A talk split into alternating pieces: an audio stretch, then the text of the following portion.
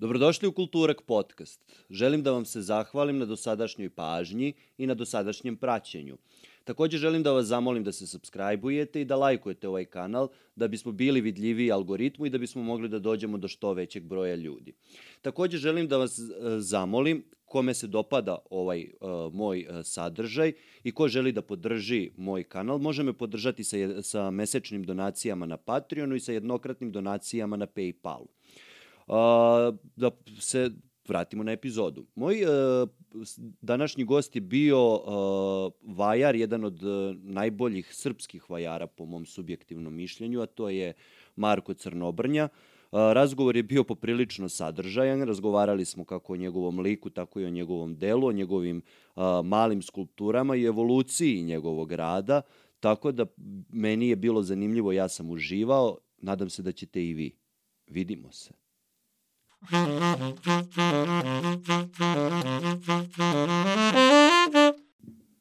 Marko, dobar dan, dobrodošla. Dobrodošao kod mene u podcast. E pa bolje te našao, hvala ti na pozivu. I evo imamo jedan i drugi čas da, da, da mi bude, kako da kažem, prvi put da sam u, u nekom podcastu. Eto, drago mi je što je to kod mene pre svega. I meni je drago da je to u Obrenovcu. E, ti si inače poreklom iz Obrenovca. Yes. Ja sam jedan od redkih koji, se, koji je rođen u Obrenovcu. Da. 78. godine i tada, ne, ne, neposredno posle toga su, koliko se sećam, zatvorili porodilište. Tako da mi je... Da, moj otac je isto rođen u porodilištu u Obrenovcu. Mislim da je ono tako 80-ih ili nešto malo pre toga zatvoreno. Zatvoreno? Da. E, pa da. U svakom slučaju malo ljudi znam da se rodilo baš ovde. Da. Tako da sa pravo mogu da kažem da sam iz Obrenovca. Tako je. Jedan od redkih. ja živim u Obrenovcu od kad znam za sebe, ali sam rođen u Beogradu. Da, da, da, da, da Savski venac. Savski venac, jeste. I kakav je bio put po, do, do Obrenovca, jel? Teško doći. A, sada? Sada, da. A ne, sada je super. Trenutno je izgradilo idem, idem, se. Idem u kontra smeru uvek ovaj, u odnosu na vremenski gužve uvek u suprotnom smeru kad idem za Obrenovac ili kad idem za Beograd suprotnom smeru opet gužva. Tako da... Aha, znači uvek pogađaš da. nekako špic, pa kako, kako postižeš to? A, pa ne, tako se okolnosti, to se slučajno dogodi. Da. Tako da sticam okolnosti, a tu u zadnje neko vreme stvarno dogodi se da, da vrlo brzo stignem. Pa dobro. Saobraćaj je postao poseban talenat, kako da, da, da kažem, po, pogotovo po Beogradu, špicije. Da, pa dobro, sve se zasniva na strpljenju i na dobrom planiranju da, nažalost, kad treba negde da stignemo na vreme, onda, a sebi ne damo dovoljno vremena, onda nastupa problem. Uh, inače, mi kad smo se dogovarali, dogovaranje je bilo onako poprilično jednostavno sa tobom i u, u, u suprot tih obaveza koje ti imaš ti provodiš u kolima dosta sati dnevno. Pa jeste, ja imam malo tako mi se namestio život da ovaj u Beogradu živim, u Zemunu, posao mi je na, na Zvezdari, a telje mi je u Borč i to je praktično trougao. Tako je. Svakodnevno prelazim uh, tri puta most, minimum dve reke i možemo da kažemo iz jedne republike u jednu pokrajinu. znači ti se krećeš ono što po teritoriji stare Austro-Ugarske. Yes. Živiš na toj teritoriji i radiš u yes. ateljevu na... Spavam u, Austro-Ugarskoj, u Austro-Ugarskoj uh, uživam u Banatu i radim u Šumadiji. Dobro. Uh, ti si aktivan na sceni već jako dugo, mislim, od, od tvojih studija si se ti na neki način od rane mladosti probio, tako reći i u svetu, ti si već svoju prvu izložbu imao u Beču. Kako je sve to počelo? Dakle, odakle tebi uopšte ideja da se baviš vajarstvom? Pa to je, opet da kažemo, Sve nam je u životu sticaje okolnosti, znači nisam od onih e, tipova ljudi koji su žarko želeli nešto u životu da budu. E, nego sam se trudio da mi nekako ne, neka bliska budućnost bude zanimljiva. I onda se tim pristupom otvaraju neka vrata drugačija. E, dajemo sebi opcije za nekoliko izlaza ili prolaza u, u, u svom životu, a ona situacija kada nešto žarko želimo, mi ni ne primećujemo ta vrata među, koja, koja nam se, na koja nailazimo. E tako sam i ja relativno želeo različite stvari u životu, ali mogu slobodno da kažem, pored talenta koji sam imao, e, put ka umetnosti je blisko vezan za e, relativno loš uspeh u školi. I to je neki put e, kao mm, kako da kažem, kao neka vrsta utehe u samopouzdanju jeste da kada nismo dobri u onome u čemu, u čemu ljudi, drugi ljudi očekuju da budemo, ovaj, pronađemo u stvari ono u čemu jesmo mi i nametnemo društvu ili drugom porodici ili, ili uh, autoritetima, da kažemo, koji očekuju to od nas, da smo mi u ovome odlični. I onda i oni drugi, i oni počnu malo da veruju u to. To mi se isto dogodilo u srednjoj školi, ovaj, u Šapcu, koju, koju sam završio uh, srednju tamo. U pitanju je srednja škola za umetničke zanate. Dogodilo mi se to je u srednjoj školi u, u, u, u Šapcu, to da, da sam opet imao situaciju da nisam baš sjajan učenik, ali se pojavila ovaj, prilika da da budem u dramskoj sekciji. I tada sam se prvi put okus, okuš, okušao u, u glumi. Da. Gde sam dobio veliko poverenje, jer i meni to bio opet jedini izlaz. Ja sam morao da se dokažem uh, u toj disciplini da bi ispeglao neke brljotine koje sam imao u, u obrazova, u, u, kako, u, u, kako se to kaže, u, u u školi, da, generalno, ne znam da li uspeh je... u školskom. Uspeh u školskom, jeste, koji se opet očekivao. Da. Ali sam ja onda iskočio iz tih šina i dokazao se kao u, zanimljiv glumac.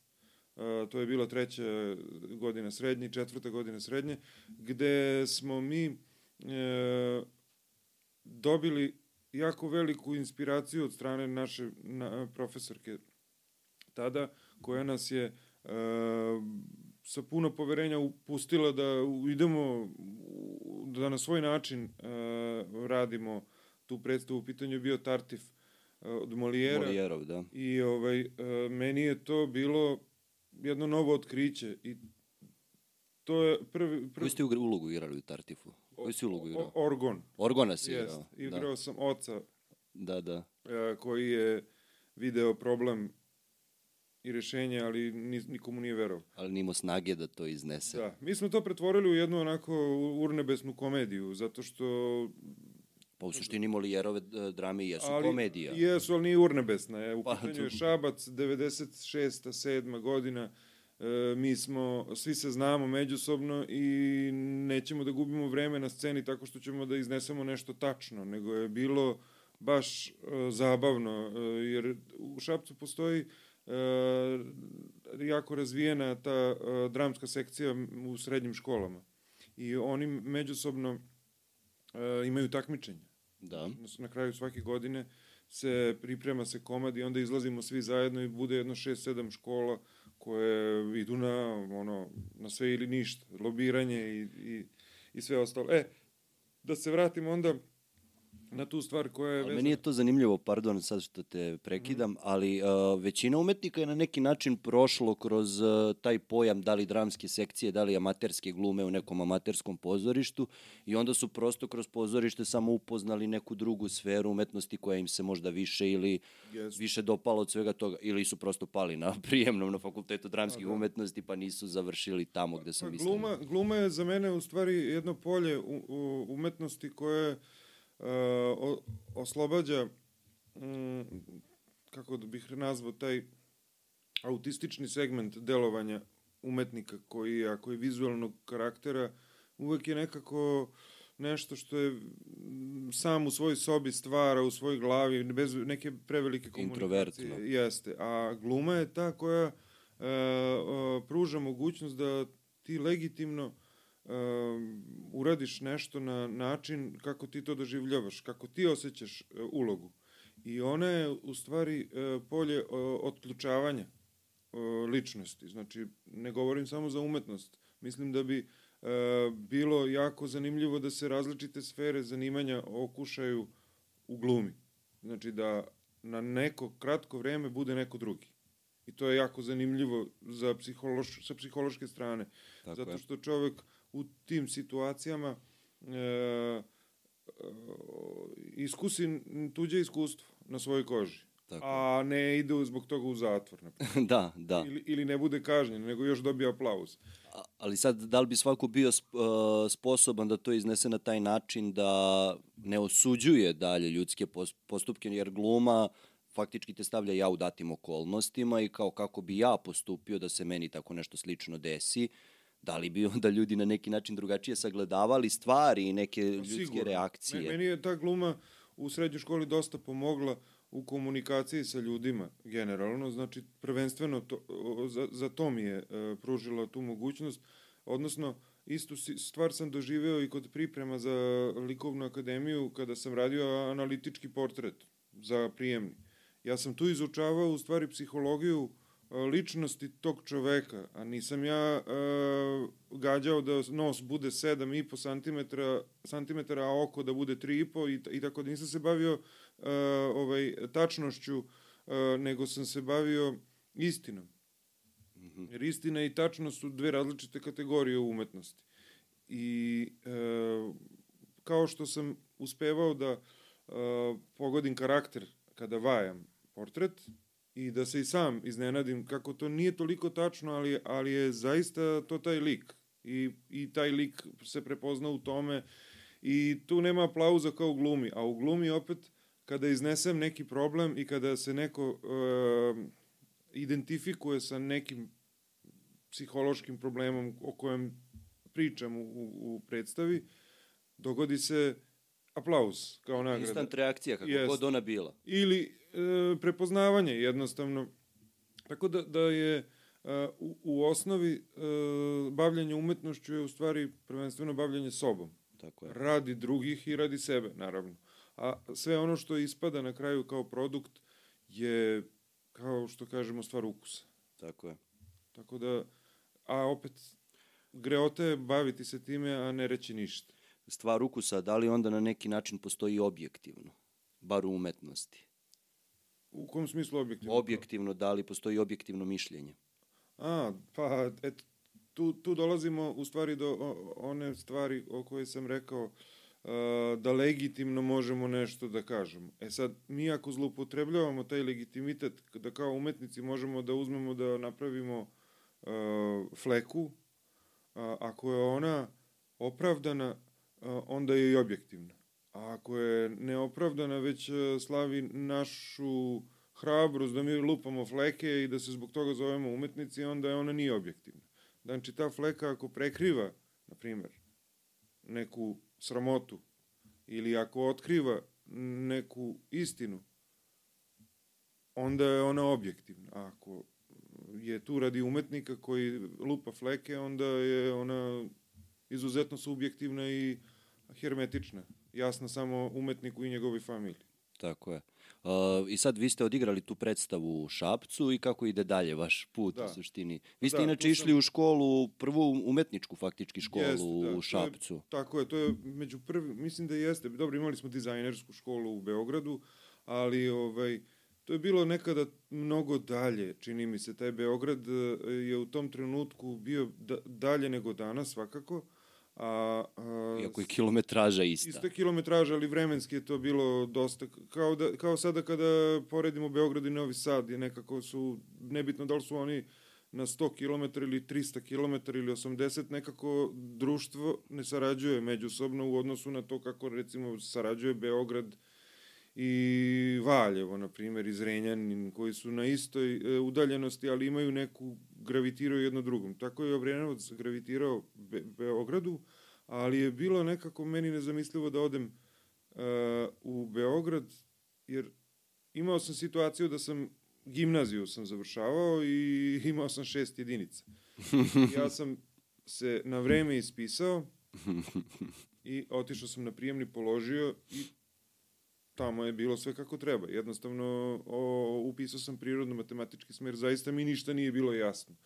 E, jer sam imao prekida u, u obrazovanju u 6. 7. 8. tad je bilo najlepše vreme mog, najlepši period mog života. Poslednja stvar koja mi je bila na pameti je bilo, bila škola, super smo se zezali, to je došlo na naplatu na prvoj, u prvoj godini srednje, ja imam šest jedinica, ispisujem se na vreme i prijavljujem se na prijemni i upisujem ponovo, praktično ponavljam i upisujem ponovo u srednju školu drugu iz početka i upisao sam tamo srednju školu za umetničke zanate u smer dr drvorezbar. Da. I tu kreće moj, moj prvi dodir sa drvetom, sa uh, jednom ozbiljnijom ovaj, uh, ozbiljnijim obrazovanjem vezanim za umetnost. Oni su kao pravi pioniri uh, ljudi iz ministarstva koji su imali tu, tu inicijativu da se ta škola otvori. Ovaj, zapravo su pozvali svoje prijatelje, moje profesore tada, tada koji su iz velikog entuzijazma došli, to je vreme ono kada su plate bile smešne, 20, 30, 10 maraka. Ljudi su dolazili o svom trošku jer su verovali u tu školu i mi smo bili pokusni kunići, kako da kažem, koji su izrasli u ozbiljne zečeve. E, mnogo je bitno to što smo mi imali malo, da kažem, ovaj, e, tole, ve, veću toleranciju, jer su nam i umetnici bili profesori. I Tako oni su razumeli to i stavljalo se na prioritet da e, stavljao se kao prioritet e, želja i interesovanje da se e, nauči da se slika, jer tamo ima puno smerova. U osnovi je to slikanje, crtanje, vajanje, ali mi imamo tamo susret sa konzervacijom, sa keramikom, sa juvelirstvom, pozlatarstvom, klesari su bili u kamenu, drvorezbari. Za jako zanimljiva škola.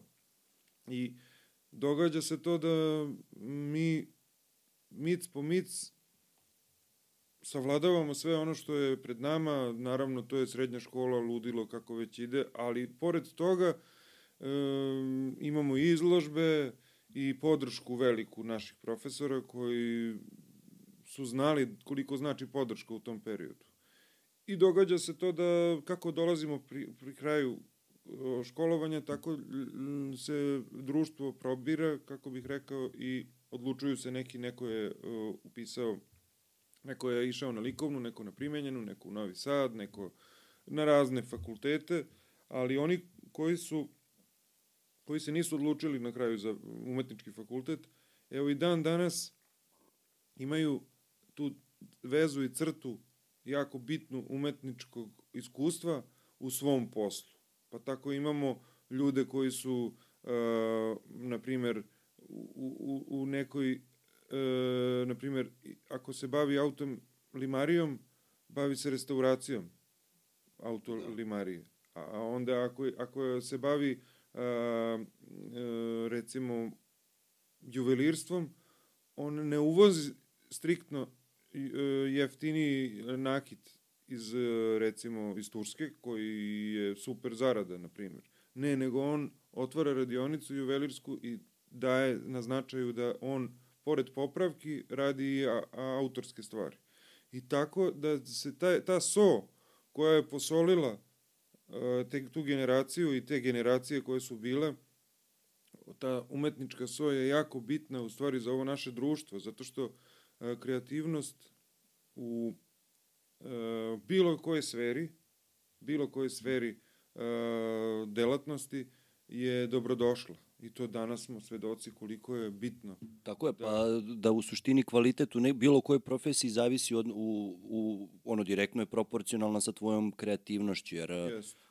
živimo u nekom vremenu kada smo došli do, do, neki ga, do nekog gašenja kreativnosti, kada se omladina uči da svoj posao obavlja striktno onako kako je propisano, kako treba i svako ko se dovoljno pruži da dohvati bar malo kreativnosti u svom zanimanju, na neki način bude među uspešnijima tu. Jeste, naravno.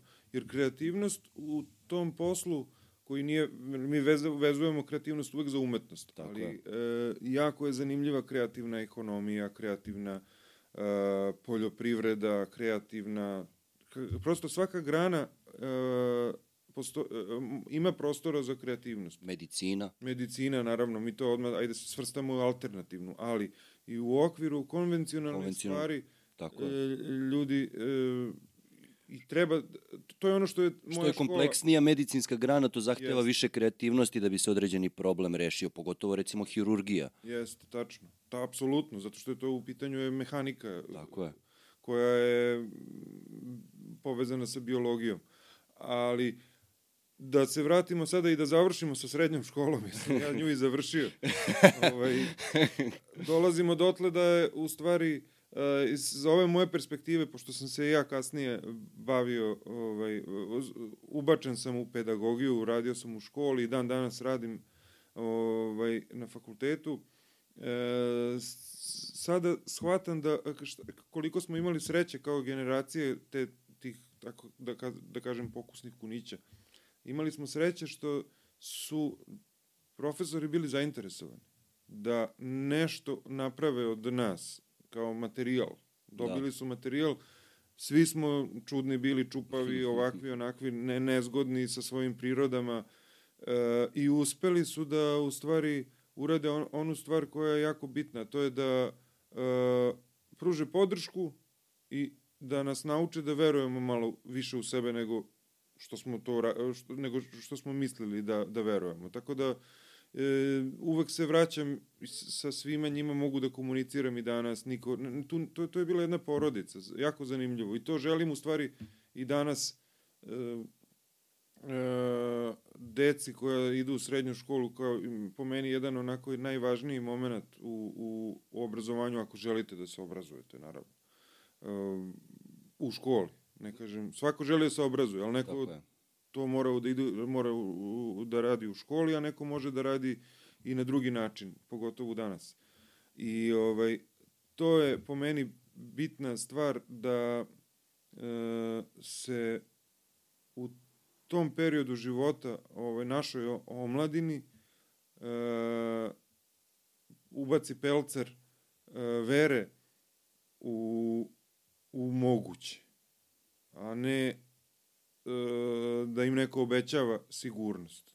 Znači, nekako, e, ako smo mi iz tog perioda 94. 5. 6. 7. 8. uspeli da pronađemo to zrnce vere, da možemo. Taj da, period, se, je li to period koji se zvao ono mračni talas, kako... Pa ne znam, mislim, meni je bio Da li- najsvetliji. Kako, Tako, pa svaka mladost je najsvetlija. Jeste, to je period kada mi je bilo super. Tako je. Jedna reč, pet slova, super.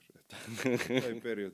Ali, šta znam, mislim, e, sva- svako smatra da na, nije lako bilo roditeljima u tom periodu. To je, to je, on, oni su pripovedali o tom periodu. Mi nismo mnogo pripovedali. Mi smo prošli kroz taj period, uzeli smo sve što smo mogli i idemo dalje. Meni je teži neki period e, bio o, o, kada sam krenuo sa, zaista da se osamos, osamostaljujem, da stvaram porodicu, da se borim za neki dinar. Eto, to je neki period i sve je brže i brže vreme. Inače, to od 90. do 2000. je meni trajalo jedno 20 godina. Da. Tako se razvuklo. Tako da, ako smo mi mogli u to vreme da vidimo uh, neku da stvorimo neki žar ovaj a nije bilo toliko elemenata za žar znači a, u odnosu na današnje vreme e, tako d- nekako smatram da je e, mnogo, mnogo, danas je mnogo manji procenat tog žara, iako ima i, i svih uslova da ga bude. I vatre, i ima i, i, i ovaj, e, kako se zove, ima i vetra, a ima i, i goriva, ima svega okolo, e, ali nekako taj žar e, posustaje zato što e, ljudi sve manje imaju podrške i samopouzdanje je izgleda postala epidemija da, da, da, da, da, da je nema. Kao što nije bilo, nema D vitamina, kažu, nema, nema ni samopouzdanja. Da, mislite, znači da je, misliš da je hroničan problem omladine nedostatak samopouzdanja i Jeste, da. da. Ili, jeste, naravno. Ili e, samopouzdanja u nekim e, dugoročnim planovima. Imamo pogrešno samopouzdanje, mislim, Pa, naravno. Ko... To je ono što uglavnom uh, se na neki način traže neki instant rezultati, neki kratkoročni uspeh koji će da se dogodi uh, u roku od uh, koji mesec, e, ako ne i koju godinu, a nema ono samopouzdanje da uspeh sigurno dolazi, samo zavisi od toga koliko si ti strpljiv. Da, pa dobro, jeste. I toga ima, samo što ima jedan, da, ima jedna, nešto sam pročitao skoro, kaže, kad sam bio mali, molio sam Boga da mi, da dobijem biciklu. A onda sam shvatio da stvari drugačije uh, funkcionišu. Ukrao sam biciklu i molio sam Boga za oproštaj. to sam pročitao negde. Da. To je u stvari uh, put kojim se ređe ide, kako se kaže. Put kojim se ređe ide. A... Dobro, mislim sad, to je neko moje iskustvo, zato što sam dosta u, u kontaktu sa, sa mladima, uh, u, u, sa studentima, sa, sa bivšim uh, đacima iz srednje škole. I ja sam posmatrač i vidim, ovaj, ja vidim njihov razvoj.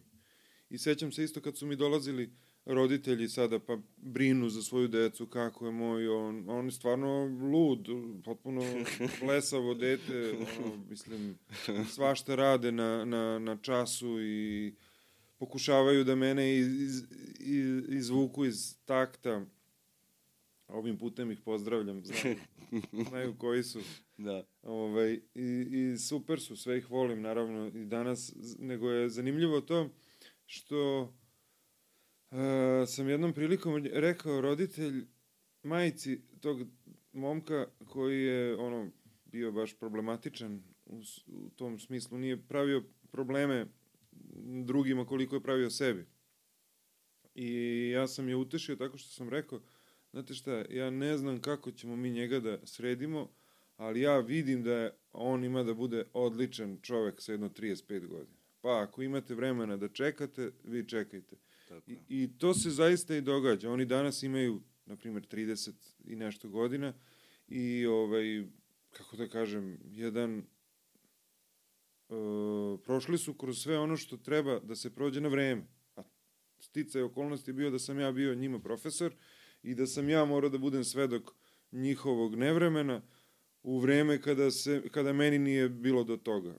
I da sam se ja bavio njima na način na koji se očekivalo da se ja bavim njima, da ih kažnjavam i da ih uh, usmeravam. usmeravam u, po planu i programu, uh, ja bi prekinuo njihovo prirodno odrastanje i taj, ta anomalija bi se pojavila kada bi došli u neke sada godine od 25-30 godina. Znači, prosto uh, prirodno je da da dete bude buntovno. Da, pa buntovno, jeste. To je, to je... Da se buni, a da ni ne zna protiv čega se buni. Jest.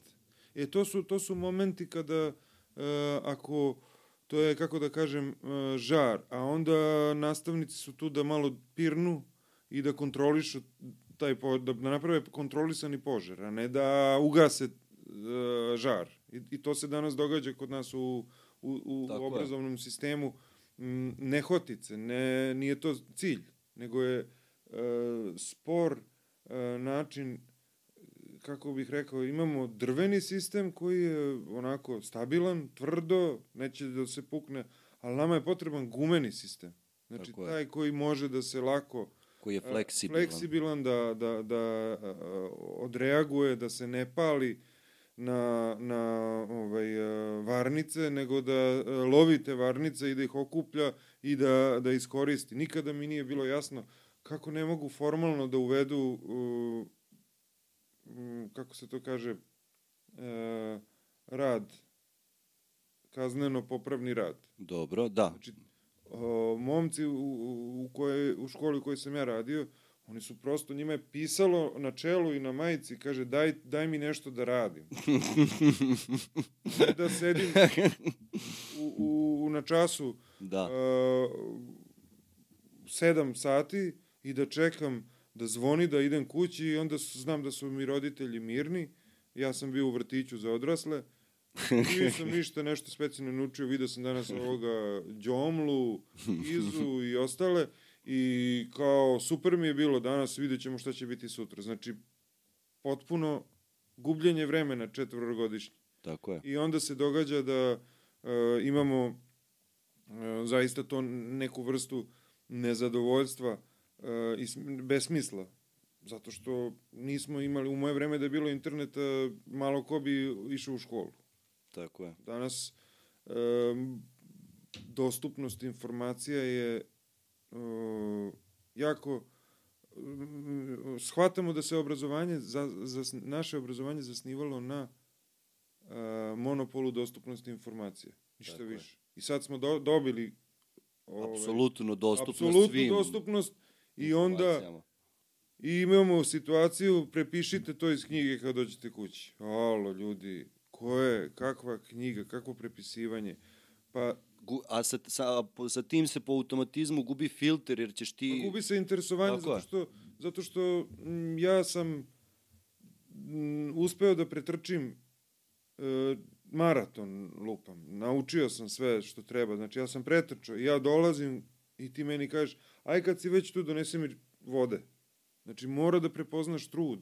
Tako je. Ne možeš da mi tražiš da, da pored toliko kilometraže i metraže, ja još tebi da donesem vodu. E, e, otprilike tako kao, dobro, to što ti, to je za tvoje one neke tamo drugare, što ti radiš, što je to s kompjuterima, to nešto on tamo kucka ili ma celu noć sedi, igra igrice i onda op, preko noći dete ovaj, počne da zarađuje više od roditelja. Da. I koja su to pravila igre? Znači, to, to, je, to je ono što um, se događa mimo nas, a nismo ga ni svesni. Možda ti pripadaš toj generaciji, ali mislim da nisi ni ti još u toj situaciji uh, koliko su ge generacije koje su sada tek stižu recimo sa 15-16 godina, 17, 18 do 20, imaju tu osjećaj da mogu, a ne da će moći. Tako je.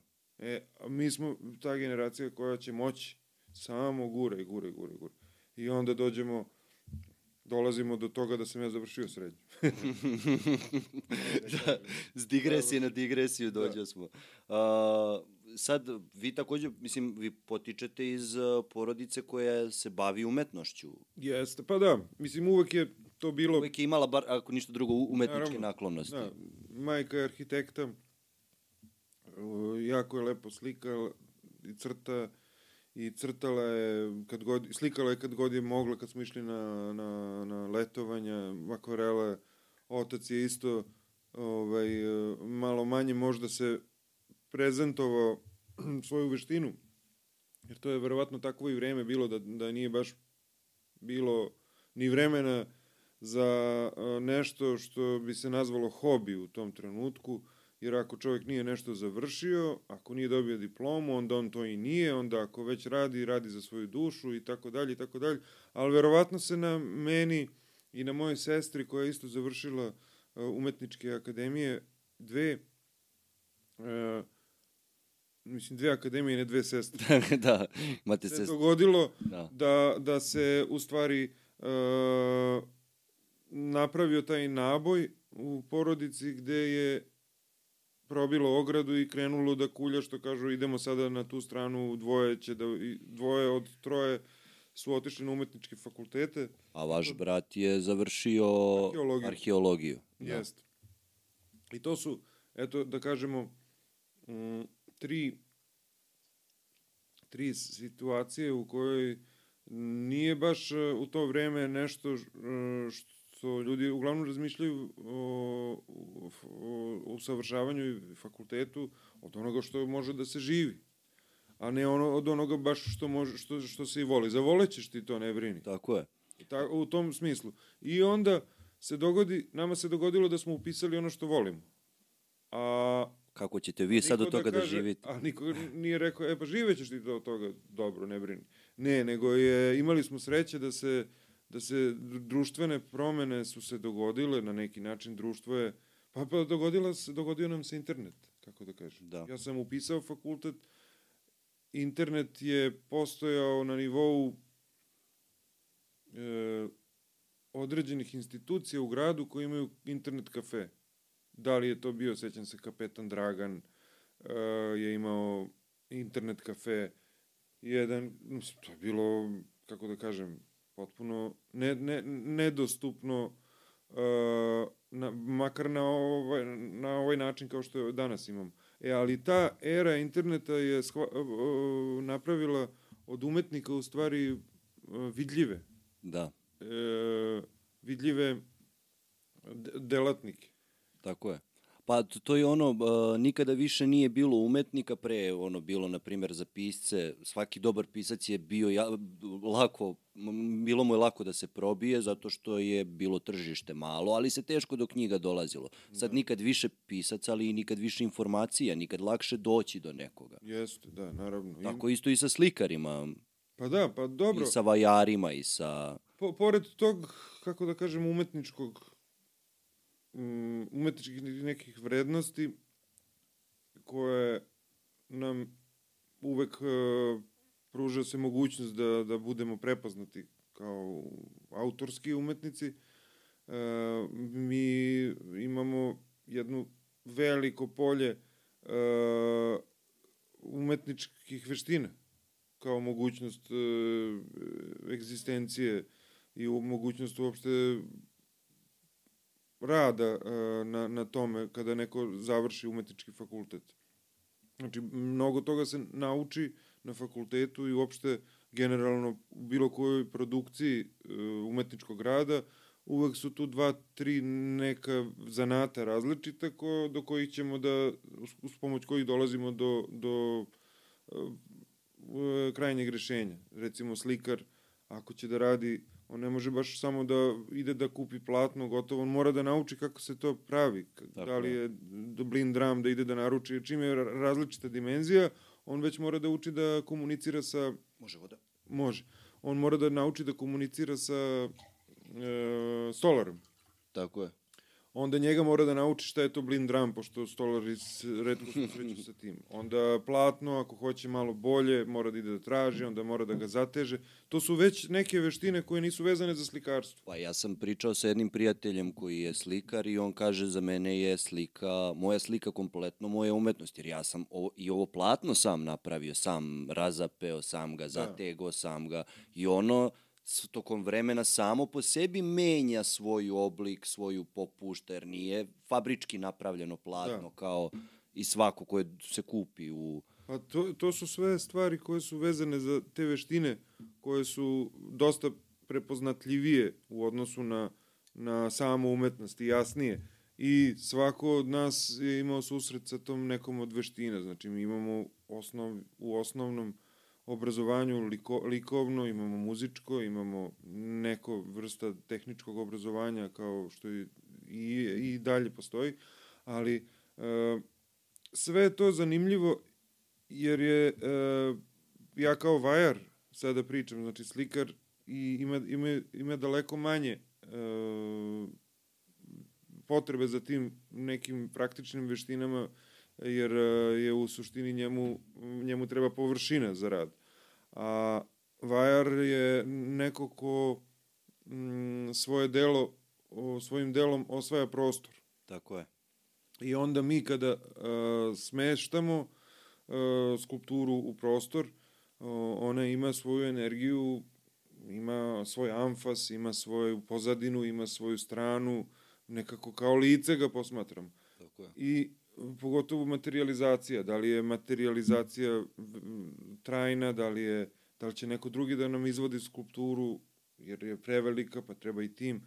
Mnogo više uh, se stvari uh, pojavljuje kao problem. I to je ono što je opet taj izazov i lepa stvar u, u, u, u tom opusu.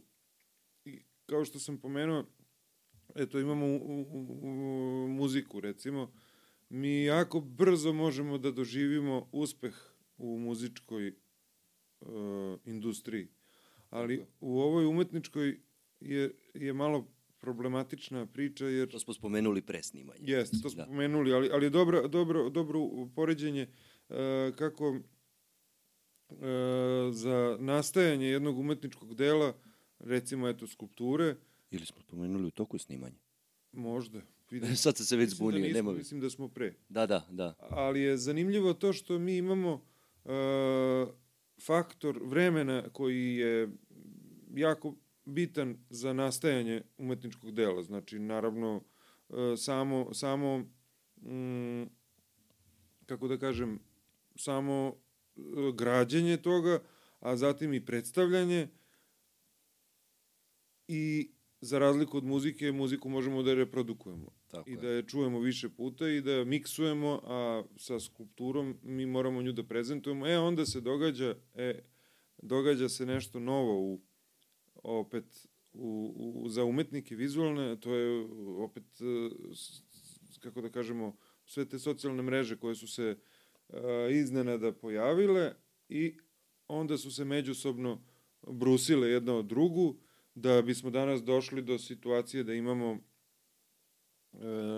različite vrste e, a, ovaj, aplikacije, odnosno različite vrste mreže koje e, možemo da biramo zašto nam zaista treba. Znači, bukvalno da, da ne mogu da zamislim koliko bi e, e, društvo i uopšte svet bio uskraćen da ne, recimo ne, ne postoji nešto što je a, kombinacija Instagrama, TikToka, Facebooka i ne znam, možda samo tog.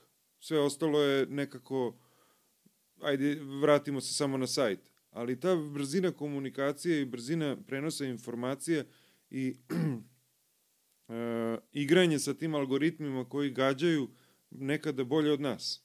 Tako je. E, koliko god mi želeli to je sada još jedna velika nova prednost za, za, za umetnost.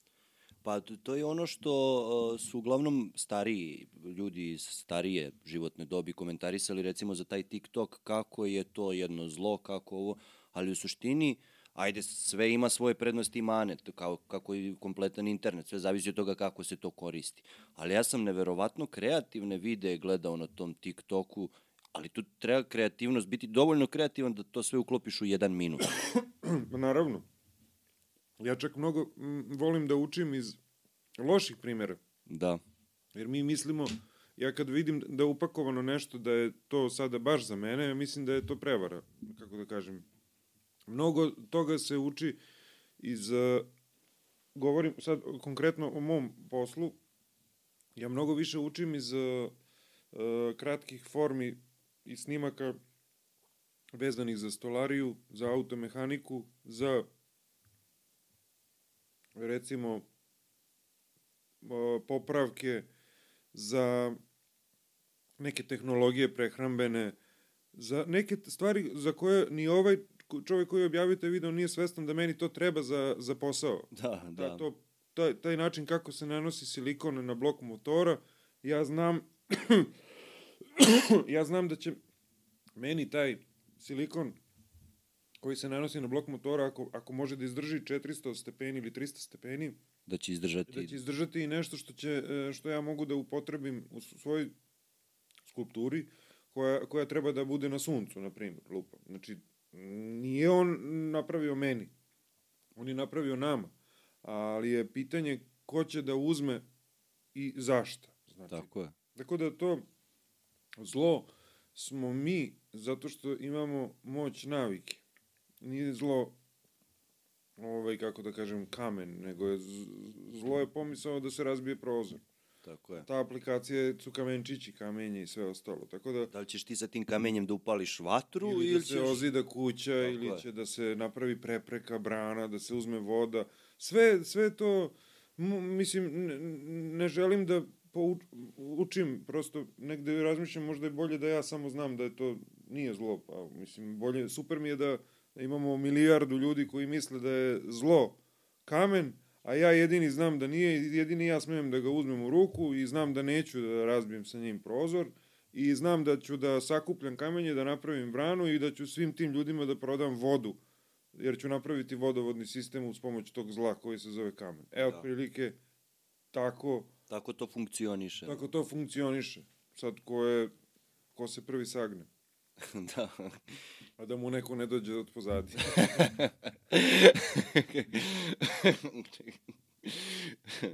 pa, Ja sam, na primjer, uh, pričao sa jednom drugaricom koja je, pardon, Baš o tome, a? ne, o, o saginjanju i dolasku od pozadi, koja je u periodu kada si ti upisao fakultet, ona studirala, ja mislim, paralelno slikarstvo. Mhm. I o, ona je rekla za tvoju klasu da je to jedna od jačih klasa koje je ona srela, mislim, videla. Mo, ako ne i najjača vajarska klasa u, u ovom trenutku. Pa dobro, to je sad... To je ovaj, opet subjektivna stvar, ali... Ja, mislim, kako da kažem, meni je najbolja za nas, jer mi, mi se, se, imamo neka svoja, svoje, svoje sećanja i svoje iskustva kroz koja smo prošli.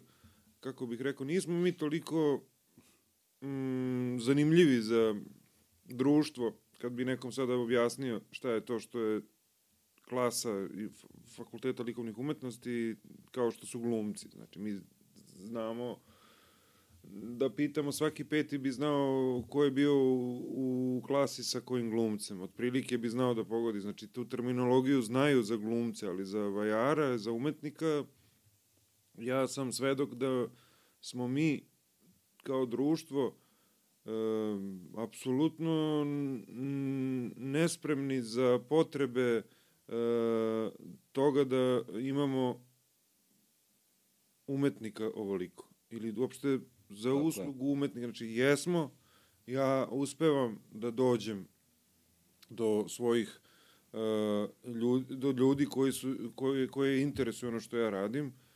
To čine e, trud e, vezan za izlaganje, za, za e, e, e, prezentaciju, za različite izložbe u različitim delovima Srbije, preko intervju i razne stvari moraju da se rade, da se jednostavno Pa došlo je, propoveda. tako je, došlo je vreme kada ti, ako, koliko god bio dobar umetnik, ako ne radiš na marketingu sobstvene umetnosti, ti ne postojiš.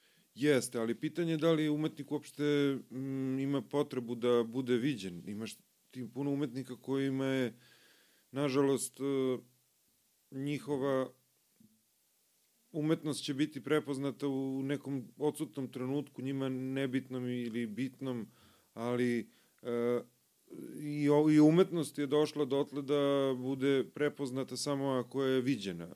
Znači, mm, ja se trudim da vide ljudi, da me vide, ne zbog toga š, samo, ne samo zbog toga da bih mogao da ja i živim od toga, da bi se neka skulptura eventualno prodala ili nešto se u, u, postala deo neke kolekcije ili bila prepoznata kao nešto, prosto tržišno. Ali mi je zanimljivo i da a, podelim sa publikom, jer ja, pored toga što mm, pravim skulpture, ja imam potrebu da komuniciram putem skulpture sa publikom svojom, koju, nemam ja publiku koja mi aplaudira u smislu da sedi, ali prosto svestan sam da mnogo uh, više ljudi zna moju umetnost nego mene. I uh, znam da, da putem uh, scene koju napravim ili skulpture uh, koju predstavim, na neki način uh, ja komuniciram sa njima, odnosno pomažem njima da malo iskomuniciraju neki prostor ili sa nekim svojim prijateljem putem moje skulpture. Sad, ja sticam okolnosti, pa mi moje skulpture imaju oči, pa ja znam da kažem kako sve što ima oči hoć, traži komunikaciju. D- definitivno sam u toj prilici da, da narat, naracija koja se nalazi u, moj, u mojim delima, uh, u pitanju su scene otprilike kao da smo zaustavili kadar u nekom Tako je. pozorištu. Kao da je jedan frame tu. Jeste, bitan. kao da je jedan frame koji je jako bitan, koji je pokazuje da je pre tog zaustavljanja nešto se dogodilo, a i, će, a i dogodit će se nešto i posle kada pustimo ponovo film, tako da, da ja u, uspevam da napravim taj moment koji je onako malo ikonički zaustavljen i on nešto pripoveda. Tako je, to je ono što je meni zanimljivo i za svake vaše, odnosno tvoje, sad ne mogu, ne znam gde, gde sam više, da li persiram ili ne persiram, i za svake tvoje uh, ove uh, sa svakog tvog dela stoji određena narativna celina koja vrišti neku poruku u pozadini, da. ali bukvalno vrišti. U nekoj situaciji to postaje čak i uh, groteskno, ne zato što je figurica groteskna, nego zato što ti vidiš ka čemu ta figurica vodi i sam ta misao ka tome je groteskna, ne ta figurica yes. kao takva. Pa sve kreće iz potrebe. Znači imam potrebu nešto da kažem. Da. Ne umem lepo da pevam baš, ne umem lepo da sviram, ne umem, umem i možda i da sviram, možda i da pevam, ali nisam toliko siguran, nemam toliko samopouzdanja kao u ovom mom, ovaj, uh, mo, mojoj kuhinji, koje ja uspevam da napravim baš u tome, znači, uh, sa drvetom, sa uh, keramikom, sa ne znam čime, sa, sa crtanjem, sa igranje u mojoj kuhinji, uh, mogu, iza toga mogu da stanem slobodno i da kažem, bezbedno, znači prijaće vam, možete slobodno da probate i tako dalje. Znači, e, u, u, kako da kažem, vremenom sam se ubacio u, u posao u, u kojem imam samopouzdanje. Da. A to samopouzdanje je u stvari dolazilo jer e, samopouzdanje u izrazu dolazi u stvari kroz e, dugačak rad u veštini. Znači, bavio sam se, m, kako bih rekao, umetničkim ovaj, e, pristupom e, ka poslu koji je naručen, na primjer, radilo se, dosta se radilo na filmovima, scenografije, generalno scenografije, delovi scenografije i onda su tu jako kratki rokovi i jako zahtevi e, visoki, ponekada nekad se prave veliki kompromisi u, u momentu kad mislim da je gotovo, smanjuje se sve, farba se u drugu boju i tako dalje i tako dalje. Imam osjećaj da sam bio u, u mešalici za beton. I da. tu sam u stvari stekao samopouzdanje. Pa to je ono kad naučiš da radiš u cajknutu, to Jest. ti je... Pa i to, a i, a i sa skupim materijalima se radilo uh, s tuđim parama. da. I za to me još plate. Da. E, to je odličan princip, onda sam shvatio da je to jedan zanimljiv način školovanja, gde e, klijent finansira ob, o, moje obrazovanje i e, pritome još plati. Tako Jer je. ja, kada sam se prihvatao takvih poslova vezanih za kratak rok oblikovanja nečega, nikada nisam rekao da ne znam ili da nisam pokazivao... Ili da moram da naučim. Ili da moram da naučim, nego sam rekao, važi, bit će do tada, upuštamo se u to i učimo usput. I e, peglaju se nedostaci umeđu vremenu. Mm, svaki put se nešto novo e, nauči i dolazi se u dodir sa materijalima, što je za vajara jako dobro i zanimljivo. Mi imamo susret sa e, materijalima, recimo u filmskoj industriji, Uh, koji ne bi koristio inače ili ga ne bi makar u tolikoj meri koristio jer su skupi zato što su uh, specijalno se naručuju da li su to neki silikoni, da li su to neki lepkovi, o, velike količine stiropora, velike količine mater, raznih materijala i onda je to bilo jedno moje iskustvo gde sam uh, okusio da ja mogu da napravim nešto veliko ili nešto mogu da napravim u tom roku, vidim zadovoljstvo. Tako se stiče i samopouzdanje. I onda kada shvatim u jednom trenutku, ali to se dogodilo sa nekih 35-6 godina, ja sam samo stavio prst na čelo i rekao, čekaj, ako ja mogu ovo za drugoga, zašto ne bi ja mogu tako i za sebe da radim? I onda smo došli do momenta kada se shvatim, shvatio sam da je najteže biti zaista sebi naručilac i gazda i, i ovaj, uh, Apsolutna dosledan. sloboda, apsolutna yes. sloboda nosi, nosi sa sobom i određenu odgovornost. Da, naravno. A sam sebi je na, najlakše naći opravdanje. Tako je. Tako da, da mi je to bio u stvari jedan prelomni moment kada sam uh, napravio sastanak sa samim sobom. bio je Marko autor, Marko šljaker i Marko nabavni kako bih rekao, taj koji treba da donese sve to, jer meni u svakom poslu... A ja tu vidim i četvrti lik koji svi imamo, a to je recimo kad bi Luka, Luka, Luka, Luka Lenčuga, koji da, ništa da, da. od toga ne želi ne, da uradi. U mom slučaju su svi trojica Lenčuge. Ali imaju svoje, zanima, svoje zanimanje. Samo što je ovaj Lenčuga u onom trenutku, svako Lenčuga u momentu kad dobije zadatak. Da. Tako da ovaj koji delegira, Marko, je taj koji u stvari e, želi sve najbolje sebi, ali ovaj imamo problem što sva trojica e, žele svako sebi najbolje. I Ali- zahteva od ove druge dvojice da rade.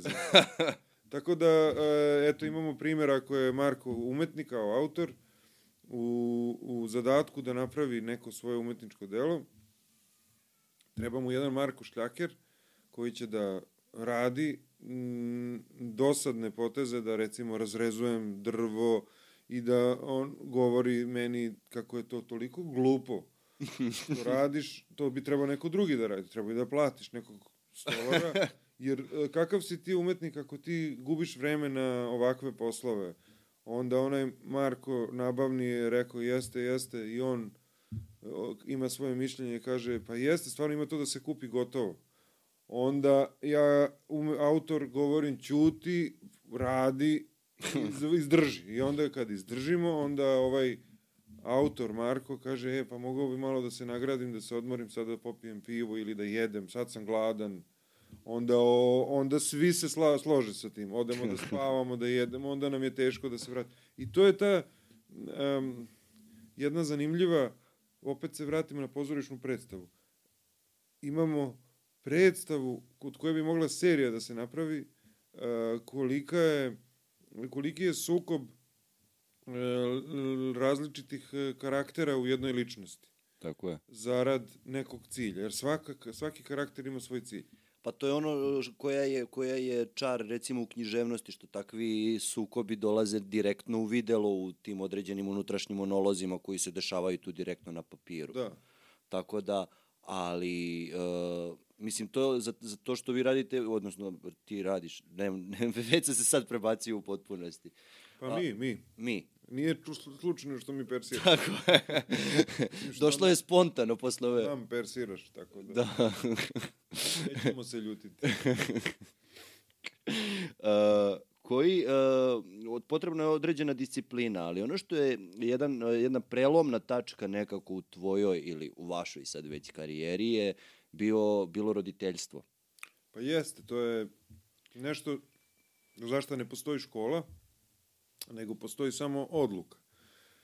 I kada donesemo odluku, naravno, uz pomoć ovaj, te situacije u kojoj su leptirići u stomaku i vera da možemo i planinu da pomerimo, onda kada se posle nekih desetak, petnaestak godina e, dogodi da opet izgubi čovjek svu veru da može u sebe, jer stiglo ga je ovaj, roditeljstvo, ali događa se to da je, mislim, ja sam imao takvu s, s, e, e, okolnost da se to dogodilo na fakultetu, bili smo mladi i ja sam već na, tokom fakulteta postao roditelj ono tri put, tri sina sam dobio. I ovaj, a, nije to bilo ni lak period ni za mene, ni za majku, ni, nikako nije to, to je period kroz koji, kroz koji nikako čovjek racionalno ne bi prošao. Već upravo ono, e, stvaramo lepih narednih 5-6 dana, narednih 5-6 dana i stalno toliko, toliko možemo da dobacimo razmišljajući o svojoj budućnosti. Tako da, pitanje je da li bi sve ovo što sam ja uradio i napravio e, bilo ovaj, e, moguće da nisam bio u toj situaciji e, kako da kažemo latentnog vezizlaza. da. Jer konstantna osjećaj da neću uspeti, da neću uspeti je u stvari bio razlog da uspem. Tako je, pa to, to su neke godine kada uglavnom niko ne planira porodicu Da. i sad tu su uglavnom radovi na nivou nekog egzistencijalizma, ne znam ni ja, unu- preispitivanja i svačega nečeg, dok, ste, dok si ti već morao da se baviš, kad završiš sa tim studijama, odeš da se baviš detetom. I ti si se, Pa jeste, to je pitanje je koliko sam se ja i bavio detetom, više uh, se majka bavila uh, uh, kvalitetno, to je sad nemerivo, vidjet ćemo. Ja imam teoriju, ovaj, svakako, ja, ja sam, kako da kažem, krao sam vreme i od uh, roditeljstva, i od uh, braka, i od umetnosti. Uvijek sam nekako šibicario sa tim i imam osjećaj da nigde nisam uspeo da napravim uh, savršen rezultat, nego imam tri dobra rezultata. Pa sad nekad neki malo zazvoni na bolje i tako dalje, ali jako mi je bitno bilo da samo stvari stignem. ne smeš automehaničara nikada da... Da uvrediš. Da, da, da ne shvataš ozbiljno. Puno se čeka na njega. Da. I onda kad te on zove, to je... to je... Mora da se javi. Mora da se javi čovjek. Da. A redko zovu. Redko zovu, uglavnom ja zovem. da. Uh, Gde smo stali? e sad, E da, kod porodice i tako je. te situacije. Pa, e, ja sam pomenuo kako sam imao osjećaj da sam u stvari pronašao e, beskonačni izvor ideja, jer sam ja e, svoje prve radove zasnovao na činjenici da sam, sad je to već otrcano, onako malo, puno puta sam rekao, pa je to došlo kod neka definicija. Ovaj, ali e, bazirao sam ih na tome da sam kao mlad roditelj bio relativno verbalno neiskusan i neke stvari koje su mi se dogodile m, nisam mogao da a, artikulišem tako dobro kao što bih napravio o, skulpturu koja može to umesto mene da uradi. To se odnosi na, na skulpture prve koje su bile namenjene e, mom najstarijem sinu Pavlu koji je e, kao mali e, bio kao svako nestašno dete. E, on je dobio skulpture u kući koje e, će mu reći šta ne, sme, ne, ne bi smeo da radi. Se se ta serija izvala Pavle, Pavle, pazi, pazi, i u da. zagradi šta radiš. Da, zato što je u pitanju su skulpture koje su mm, s- e, po- pozicionirane po kući tamo gde će da se nešto dogodi. I sad stvarno je dobro da napomenem kad pričamo pogotovo o vizualnom sa ne, neki ko priča o nečemu što je vizualno, to što nisu događaji, pa... Ne može da se ljudi- prepriča kad tako ljudi lako. kada mm, slušaju, ovaj, lako je do, do, događaj e, vizualizovati, ali mm, ja isto to radim slobodno, sve ono o čemu mi pričamo, oni će lako moći da nađu. Tako je. Na, Ima čak i vaša monografija ko želi da... Dobro, vidi, da, to je više ovako kad e, sam u situaciji nekom da dam da sve Da sve sagleda, da sve, da. sve sagleda da bude informativno, ali mislim na internetu je zaista lako naći. A, e, tu se događa ta u stvari moja a, situacija u kojoj ja e, osjećam se u stvari roditeljom, a i umetnik sam gde sam pokrio dve stavke. Solidan roditelj, solidan umetnik. Super za početak. Ali ono što sam osetio jeste da sam ja počeo da pratim e, rast i razvoj e, i zanimljivo je, to je puno anegdota kad je čovek mlad i kada ima ta- tako malu decu i svaki dan se nešto događa i onda malo i ulepšavamo tu stvarnost vezanu za, za, za život umetnošću i e, shvatio sam da ja i tekako imam šta da radim. I, i evo do današnjih dana ja imam i tekako dalje da, šta da radim, jer kao što deca rastu fizički, tako rastu i mentalno, tako rastu i psihološki i sve ostalo. Pa dobro, znači trebalo je u suštini ostvariti sebe u svim tim sferama, a ste vi onda rešili, odnosno ti si onda rešio, ili vi, svi zajedno da sklopite ove dve sfere u jednu, tako da, da si te figurice pravio kao poruku sinu. Jeste. O, o, u početku je bilo tako, pravio sam kao njemu, dobro, sve to bilo, to je Da, bila prva... prva Ono, nemoj, ne vataj se za nož. Jeste, nemoj za nož, nemoj da bacaš toalet papir u WC šolju, nemoj da se penješ u stepenice visoke. Sve smo to mi imali tu i sve je tako bilo, zaista. Jel Imali- razumeo? Da, razumeo je. On je... Ne, ne, naravno sada da... E, meni se svidelo to što, se, što su to razumeli ljudi koji se bave umetnošću. To je meni bio uspeh. Mnogo veći zato što sam ja dve muve jednim udarcom, kao što sam rekao. i roditeljstvo i Iskomunicirao si sa Jest. sinom. iskomunicirao sam sa sinom. To su, kako dete razume. Dete razume dovoljno je kada mu pokažete nešto da on uradi ovaj osmeh i da taj osmeh njemu kaže aha, ukapirao sam, neću više, dobro. E, ali šta se događa? Događa se to da e, meni se otvara e, mogućnost da izlažem, zato što e, sam predstavio na neki svoj način m, autentičnu priču, životnu.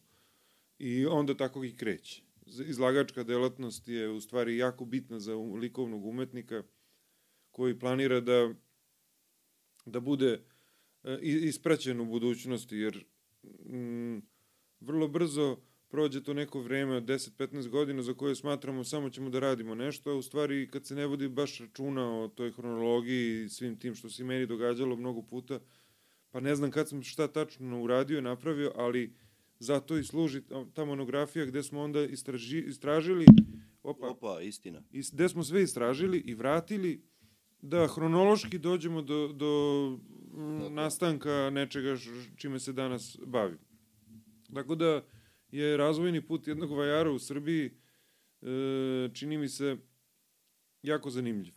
Pa to je ono kao, ali vajara, koliko je vajarski rad generalno nepoznat, ja danas kad sam pio kafu u jednom ovde kafiću i kao, ko ti gostuje, ja kao, kažem, gostuje mi Marko Crnobrnja, on je vajar, e da vidim šta radi. I ja pokažem i to su sad kao drvene figurice. I ona gleda kao, odnosno drvene skulpture.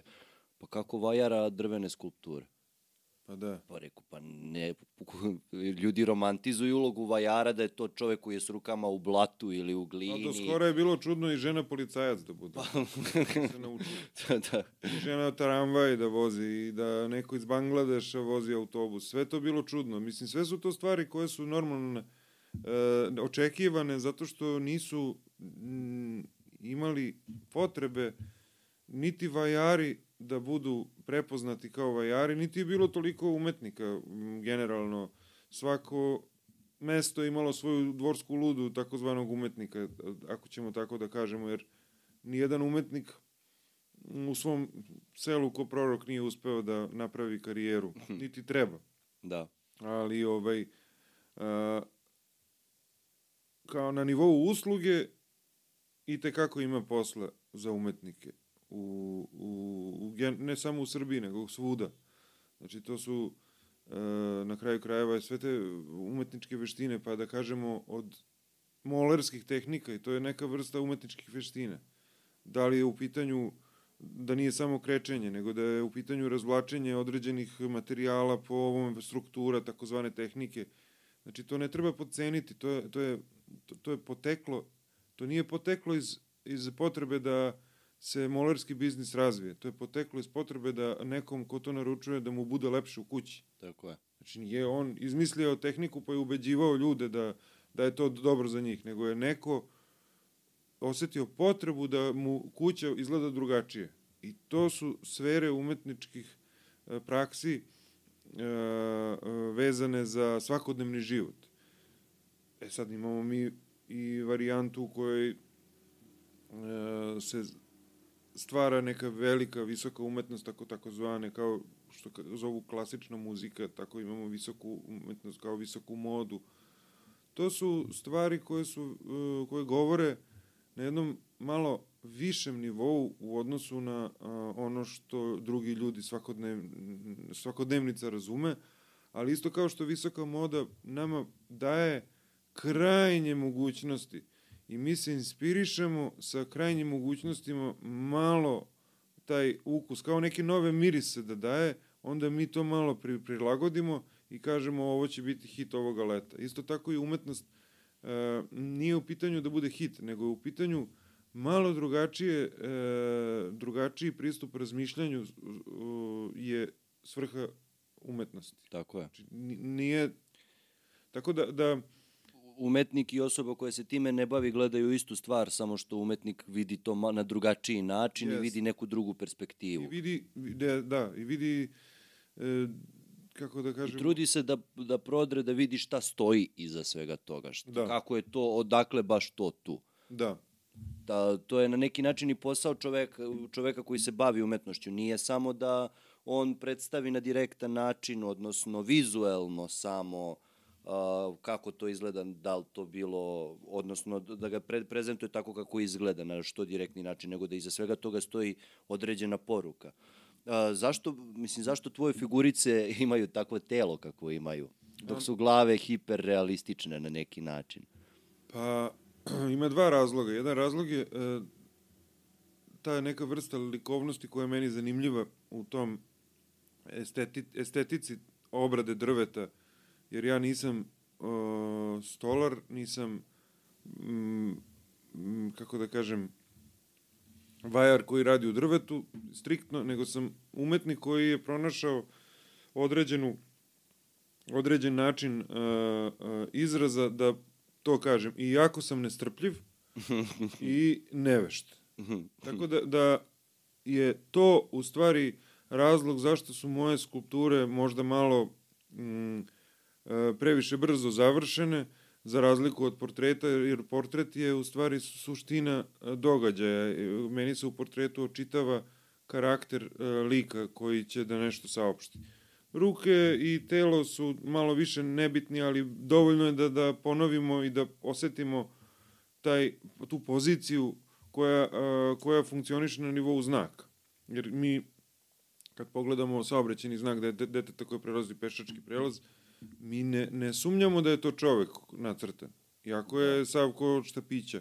E pa po tom principu i ja razmišljam kada radim skulpturu, da nebitno razdvojim od bitnog. Uh -huh.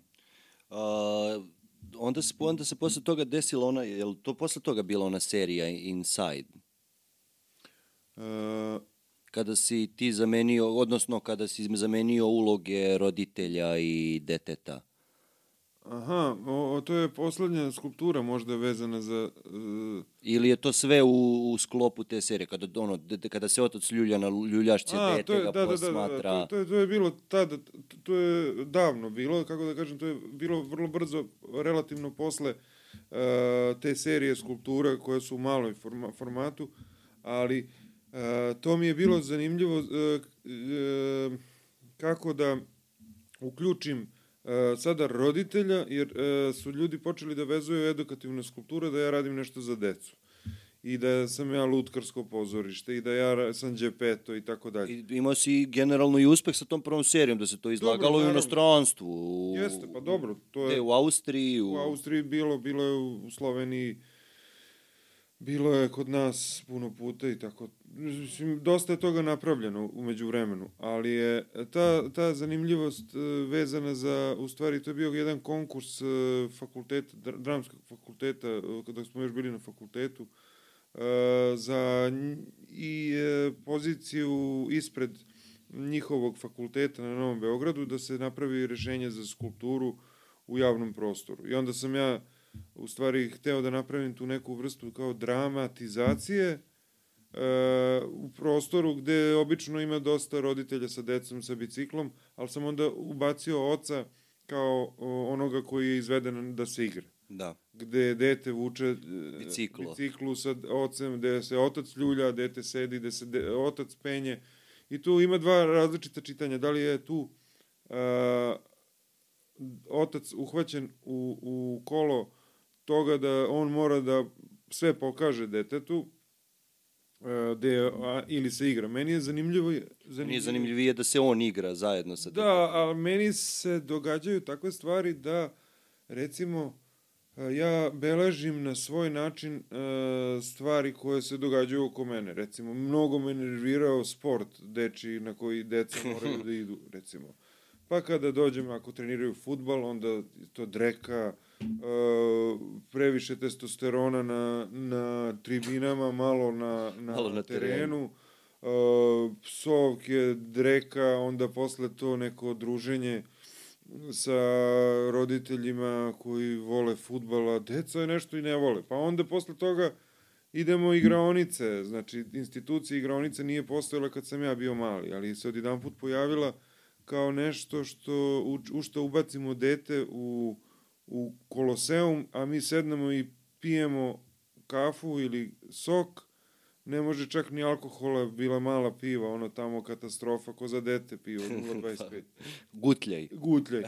I jedan stres uh, nečijeg rođendana, dreke, dečije, vike i, i stalne neke muzike, nekog, ono, nekog hausa u pozadini sa dečijim, igra, dečijim uh, pesmama, uh, pije se, jede se, brzo, deremo se, ne čujemo se, idemo. E, te institucije su se pojavile, onda sam ja pokušavao u stvari kroz skulpturu da pravim da ih o, o, otkrivam njihovo loše uh, strane uh, kao što je to bilo ja sam to napravio sa biciklom da je u stvari ovaj otac je prinuđen da ide da se igra, a njemu se možda ni ne igra. Otac je prinuđen. Stalno sam imao tu neku priču i parodiju na, na situaciju u kojoj sam se ja možda osjećao. Jer ja bih da. volu rep da iščupam, ali ne bi da zamenim pelene, na primjer. A mora i to da se radi. Da. Tako da sam dolazio u taj e, bliski susret treće vrste. Sa nepoznatim Sa bićem nepoznatim, u peleni. U peleni, da. da Koje oko ostane malo duže može samostalno da evoluira. Da. kakav je, kakav je osjećaj menjati pelene? pa, to ti je kao e, kako da kažem, najbolji odgovor je kratak odgovor, a to je vidjet ćeš. Već znam. Znaš? Pa ja sam menio pelene starijim ljudima. A joj. A dobro, mislio sam na ove pelene. A ne, na te pelene ne znam. Ali... E, te, na te pelene sam mislio. Da, da, ali... To su dve... Ja radim u bolnici, znači. E pa da, sad sam se setio. Da, da, tako da... Nego ovo je za decu... Pazi, ako ništa drugo, ovde je količina bar veća u mojoj, da. mojoj situaciji. Da. Ima ga više količinski. I nije tvoje. Pa. A ovo je tvoje. Možeš nekako se distanciraš da, od da. toga. Kao posao. Ali to je meni fantastično da nama nikad naše govno ne smrdi. pa... To je... Mislim, osim u ekstremnim situacijama, sad ne znam, ali... Znaš, možemo da ga spakujemo Možda čak i uživamo nekada u tome. Ja ne znam za tuđe iskustvo, ja pričam sad o sebi. Bojim se da će ovo da završi na YouTube-u ovaj, u onoj partiji sam. Neću seći ovaj deo. ne, ne, ne, nego može da ode na ono, znaš, samo to da bude highlight i da... E, ali to je zabranjeno. Niko osim mene ne može. A? Ja A, ne dozvoljavam, mislim, imam kao u anketi da, odnosno u određenom delu, niko osim mene ne može da, da. da seče te delove i da izvlači iz konteksta i bilo šta drugo. Mogu i screenshot videa i... Ne može da se uzima bilo šta iz videa. Mislim, ne daš ili ne možeš? Ne dozvoljavam, da. A, Dobro, što ti ne a što, što ja ne dozvoljavam, ne mora znači da neko neće. A šta sve ne dozvoljavaju, bre, ne brini se. E, pa da, i to. Tako da, ali to, to, to mi je zanimljiv fenomen. Ništa, čisto da spomenem, idemo dalje. čisto. uh, sad jedan meni, mislim, ok, meni omiljeni deo u suštini u nekom tvom uh, stvarala, stvarala što jeste sve smo pogrešno razumeli. E, da, jeste, to je... Po mom mišljenju, to je onako subjektivno moj omiljeni deo celokupnog tvog uh, vizuelnog stvaralaštva, a to je kako, bi de, kako dete reaguje na određene umetničke, uh, umetnička dela, kao što su slike, kao što su performansi, gde si direktno i prikazao performans Mari, e, Marine Abramović. Jeste, da. Uh, meni je to toliko zanimljivo i recimo zanimljiva mi je reakcija deteta kada se sa Venerin, rađanjem Venere susreće, odnosno kada se susreće sa ženskom golotinjom gde se rađa da. ženski, da. odnosno dečiji osmeh. Jeste, da, tako je. Pa to je u stvari jedna lepa zamisao, isto kao što sam sa prvom serijom kada sam radio, osetio sam da sam do, našao dobar mod za e, dobru temu za razradu. I prva uh, skulptura koja mi je pala na pamet uh, vezana za to je bio Adam i Eva, na primjer. Da. Napravio sam scenu u kojoj je Adam jedan sredovečni gospodin, go, Tako je. nema ništa na sebi i preko puta njega je Eva koja je devojčica, onako devojka, zbunjena i imamo, očekujemo zmiju, ali napravio sam dete, Da. koje u suštini To E, u mazačovom delu zmija daje Jeste. jabuku I ona je Evi. predstavlja iskušenje, Tako ona je. daje Evi. Međutim, u moj, mojoj sceni ja sam se malo oslonio na, na Reservoir Dogs film kada se na kraju svi, svi su uperili pištolj jedan u drugoga i Sva trojica. sva, bilo ih i više, petoro, šestoro su u istom trenutku opalili metak i, I svi, svi su se ubili u istom da. trenutku. E tako sam ja umesto, det, umesto zmije stavio dete koje je iskušenje, iskušava ovaj put ne Evu, nego iskušava Adama i nema jednu jabuku, nego ima pored sebe gajbu jabuka. Znači, ima puno iskušenja. Nudi Adamu jabuku, Adam ne gleda u njega, nego gleda u Evu, šta Eva kaže. Ali Eva ne gleda u Adama, nego gleda u, u de- dete. Tako da se napravio taj jedan beskonačni trougao u- koji se prekida kad? Prekida se kada se donese odluka. Znači, Adam nema hrabrosti da uzme jabuku, jer gleda šta će Eva da kaže. A Eva opet kaže, donesi ti odluku, ja gledam u dete, šta ti to daje. Tako da, da je to zanimljivo, u stvari, to je polje e, mog delovanja. Tako je. E, da li e, sam ja to mogao da uradim drugačije? Ja smatram da sam uradio najbolje kako, u, u najbolje kako sam znao i umeo u tom trenutku. Da. Jer i u likovnoj umetnosti jako bitan i način izraz, izraz koliko je recimo meni bitno da li je taj e, Adam sredovačni gospodin s brčićima, go bez gaća, demistifikacija da je on u stvari čovek, Tako je. e, koji je e, pred iskušenjem. Tako je. I svi su u, u nekom iskušenju. I e, kada vidimo takvu vrstu skulpture koja se bavi nekom opštom, opštim vrednostima i kulturom, e, onda e, mi imamo priliku da drugačije čitamo, uopšte da razmišljamo o Adamu i Evi. Uopšte da razmišljamo ne samo o estetici slike, slika je nebitna. Bitno je šta se to dogodilo tu? Da li je moglo drugačije? Znači, samo je pitanje e, odluke i dogovora bilo kako će da se napiše šta se zaista dogodilo. Tako je. E, onda idemo na sledeću skulpturu. Uh, prošli smo uh, prvu skulpturu, napravili smo kratku pauzu. Prošli smo prvu skulpturu, a to je Adam i Eva, odnosno tvoje viđenje Adama i Eve. A, meni je generalno tu ima i, i različiti slika, tu su Predić, uh, Jeste, tu, tu, to su neke, o, o, kako bih rekao, odabrao sam nešto što bi i meni bilo zanimljivo da e, repliciram, a i da bude opšte prepoznatljivo. Znači neke stvari koje su Zanimljivo mi je taj moment da si uzeo, uh, na primjer, referencu uh, od, od Tarantinovog, uh, kako se zove, uličnih pasa. Da, je, da, jest, ulični Tako, psi. tako ih prevodimo. Uh, a majstora reference, a ti si uzeo i pravio reference na određena dela.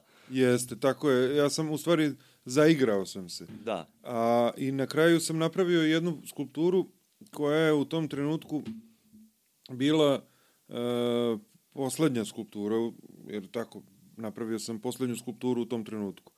E, na o čemu se radi? Napravio sam svoju malu prvu skulpturu, repliku male, repliku skulpture prve koju sam uradio, to je ta Pavle, pazi šta radiš, i stavio sam e da. I, de, de, deo se koji oduzme. posmatra tu skulpturu, Tako je. a u ruci drži monografiju, kao Tako gleda uh, moja skulptura koju sam ja napravio, posmatra moju, po, moju prvu skulpturu, a cela ta scena je u stvari u tom trenutku poslednja skulptura. Tako je. I nju sam nazvao, skulptura se zove Marko Crnobrnja. Kao, eto, I onda sam, Poprilično je egocentrično Jeste, da. i u neku ruku može da bude čak i bezobrazno. jeste, e, ali je to prilika kada možemo to da uradimo, da ne bude tako e, Shvaćeno. shvaćeno, nego je, je duhovit e, pristup Tako je. e, da ja govorim u stvari da sve ovo što mi vidimo, što sam napravio u tom trenutku je u stvari jedna moja vizija. Ja nisam neko ko sada podučava ljude da, da treba da posmatrate drugačije, nego je ovo moj.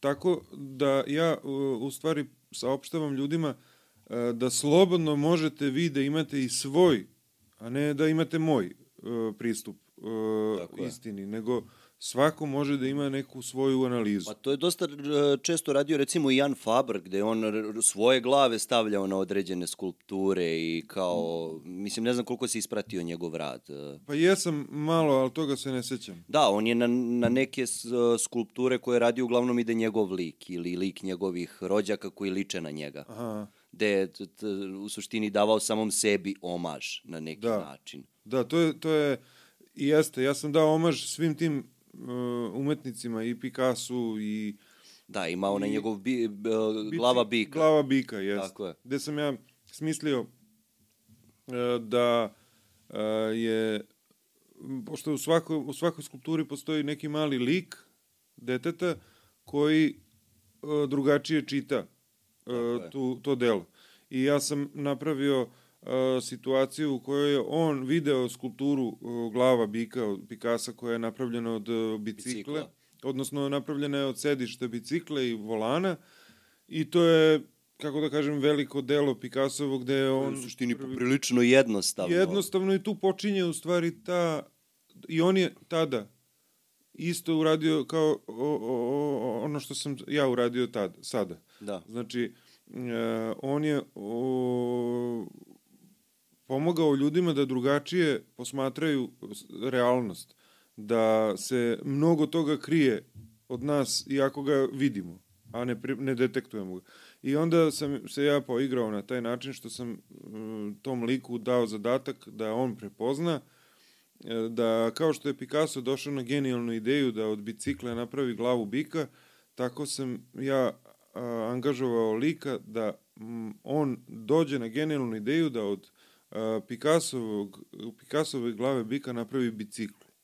Što je ono, u stvari, događaj koji e, govori o ovom našem danas vremenu gde nama ništa nije sveto Tako gde je. mi možemo bez problema da uh, nešto što je, ima i tradiciju i, i, i trajanje, da u, iskoristimo za, u našu potrebu. I to ličnu, a ne, ne u društvenu, da sad nešto, iz, neko iskustvo uh, prepoznamo, nego da, da budemo toliko bahati i inspirisani nečim toliko uh, uh, vrednim, uh, samo da postane deo gradivni moment u našoj ideji, a ne da, da ga da nastavimo, nego eksploatišemo ono što je to na kraju dođemo opet na ekologiju. Znači mi šta je ovo što mi danas radimo? Mi previše eksploatišemo nešto što što se sam što je samo stvoreno. Tako je. I e, ta serija skulptura, kao što si primetio, u stvari jeste e, sve komunikativ, komu, komunikativnije u odnosu na prethodne, zato što je nekako jasno e, pokušava, jasno govori ono što ja hoću. E, to je malo umetnosti je nezgodno, kad, jer znamo da budemo neshvaćeni u tom smislu i da se ljutimo, pa kako me ne razumete ono što sam hteo da kažem. Ovo je bilo jasno, skup- skulpture po- poređane onako u sakralnom prostoru, zamračenom, gde su osvetljene samo, samo dela, e, mitološke, istorijske e, elemente koje imamo u skulpturi su prepoznatljivi i izložba se zove Sve smo pogrešno razumeli. Što znači da je apsolutno jasno da e, ja a, pogrešno razumem ono što vidim, a mi kao društvo apsolutno sve pogrešno razumemo. Da, ali ti si tu u poziciju stavio dete koje sagledava ta umetnička dela i koje na ta dela ne reaguje sa sve, na svesnom nivou, nego instinktivno na Jeste, neki način. Instinktivno. Zato što uh, dete um, uh, reprezent nenapisane knjige, tabula raza. I uh, ona ima uh, interesovanje, ali ne zna ništa. I Tako je. zbog interesovanja će naučiti sve. Tako je. ali vremenom onda izgubi interesovanje, dobije znanje. E, e, imam, imao sam osjećaj da smo mi došli u takav stadijum da apsolutno odbacujemo znanje površno, povr, površnošću, znači površno znamo o priču o Adamu i Evi, površno znamo priču o bicikli uh, Picassove, površno znamo priču o Kainu i Avelju, uh, kada pomenemo recimo tu priču nekome, nije im to baš jasno ili ga samo detektuju kao, a to je nešto staro ili a, to je vezano za ubistvo, to je strašno, nemoj to da radiš i tako dalje. Tako da, e, bio je pravi moment da, da uradim te skulpture, a dete je u stvari a, čak i direktan učesnik u celokupnom. Da, ono jeste direktno, ali, ali reprezentuje u stvari nas. Tako je. E, kao jednu površnu civilizaciju. Tako je. Znači, idemo od o, ukusa do ukusa, od prizora do prizora, idemo dajte dalje, dajmo dalje, ajmo dalje, katastrofa, idemo na sledeću katastrofu, e, se dogodilo nešto, idemo na nešto sledeće što se dogodilo i stalno tražimo novi nadražaj. I s tim putem mi u stvari prestajemo da učimo, jer E, plasiramo, e, plasira se negde odluka, plasira se u stvari misao ta da, da mi sve znamo. Samo o, pitanje je kad ćemo da ga uzmemo. Ne, nemamo iskustveno znanje, nego imamo znanje koje nam je na hard disku. Tako je. Ili na cloudu. Opšte znanje, to se, to se ne, ne pominje, ne pita, nego se zna, naravno da znamo, ali zna, znaću još bolje ako me bude interesovalo. Tako je. I to, to su te uh, stvari koje su meni bile zanimljive uh, kad sam radio tu skulpturu gde sam se u stvari uh, na neki način uh, ismejavao našem, naše površnosti. Da. Da može legitimno da se tumači tako bitna stvari na ovaj način. Tako je kao dete koje drži džojstik u seobu. se obama. Da. da. Imamo to. Koji upravlja ovim. U televizoru Mm, ja sam napravio scenu televizora u, u koje, na, u koje e, sam postavio sliku Seoba, uh, Srba u, na pozadini i onda sam u Photoshopu izvadio uh, glavnog lika u, sa šubarom. Tako je onaj kolovođa. Tako Jest. Uh, I njega sam napravio od drveta u svom stilu postavio ga uh, u treću dimenziju, kako da kažemo, izvukao sam ga u, u prostor i napravio sam jednu, jednu kao pozorišnu scenu u televizoru, a, a lik deteta je u stvari o, ovaj, taj kolovođa umesto njega, jer on drži u ruci uh, joystick Sony Playstationa i on se igra sa oba Isto kao što je mogao da igra i GTA, mogao je da igra i Counter Strike, zašto ne bi mogao da igra i Seobe Srba kao igricu. Tako je. I onda mi je tu palo na pamet kako bi bilo zanimljivo da se naša istorija uči kroz takvu vrstu igre. Zašto ne bi u obra Ministarstvu obrazovanja napravilo igricu koja ima mnogo nivoa i gde mi od petog do osmog razreda recimo prelazimo nivoe ali to je taj nedostatak fleksibilnosti koji mi, yes. koji naš, naš obrazovni sistem uh, ima. A to je da uh, toliko je evoluirala i tehnologija i dečija interesovanja i, i svašta nešto, da smo došli u situaciju da mi učimo po knjigama od pre 20-30 godina, da se ni knjige nisu promenile, a kamoli, a kamoli način na koji se deca obrazuju. Tipa imamo, zašto je toliko revolucionaran, ima jedan kanal na YouTube-u koji se zove Ozbiljne teme zato što on o tim stvarima priča na zanimljiv način koji je blizak deci koje imaju 14, 13, 12, 11, 10 godina kroz YouTube. Da. I on na neki način obrazuje decu pričajući o kosovskom boju, o istorijskim činjenicama, o geografiji i tako dalje. Da, da, da. Pa da, u stvari nama se činjenice ne menjaju, istorija se ne menja, geografija se ne menja, ali se pristup znanju mora promeniti. Tako je. Jer meni je bilo nekada zanimljivo kad sam bio mali pa sam imao geografiju, e, pa dobijem peticu, pa mi je onda još više interesantno. Pa onda dobijem jedinicu, pa mi onda uopšte ne interesuje. Ali generalno, e, tra, na, na, uvek smo bili na nekom tragu, recimo meni je geografija jako zainteresovala u momentu kada smo imali zadatak da napravimo reljef našeg kraja.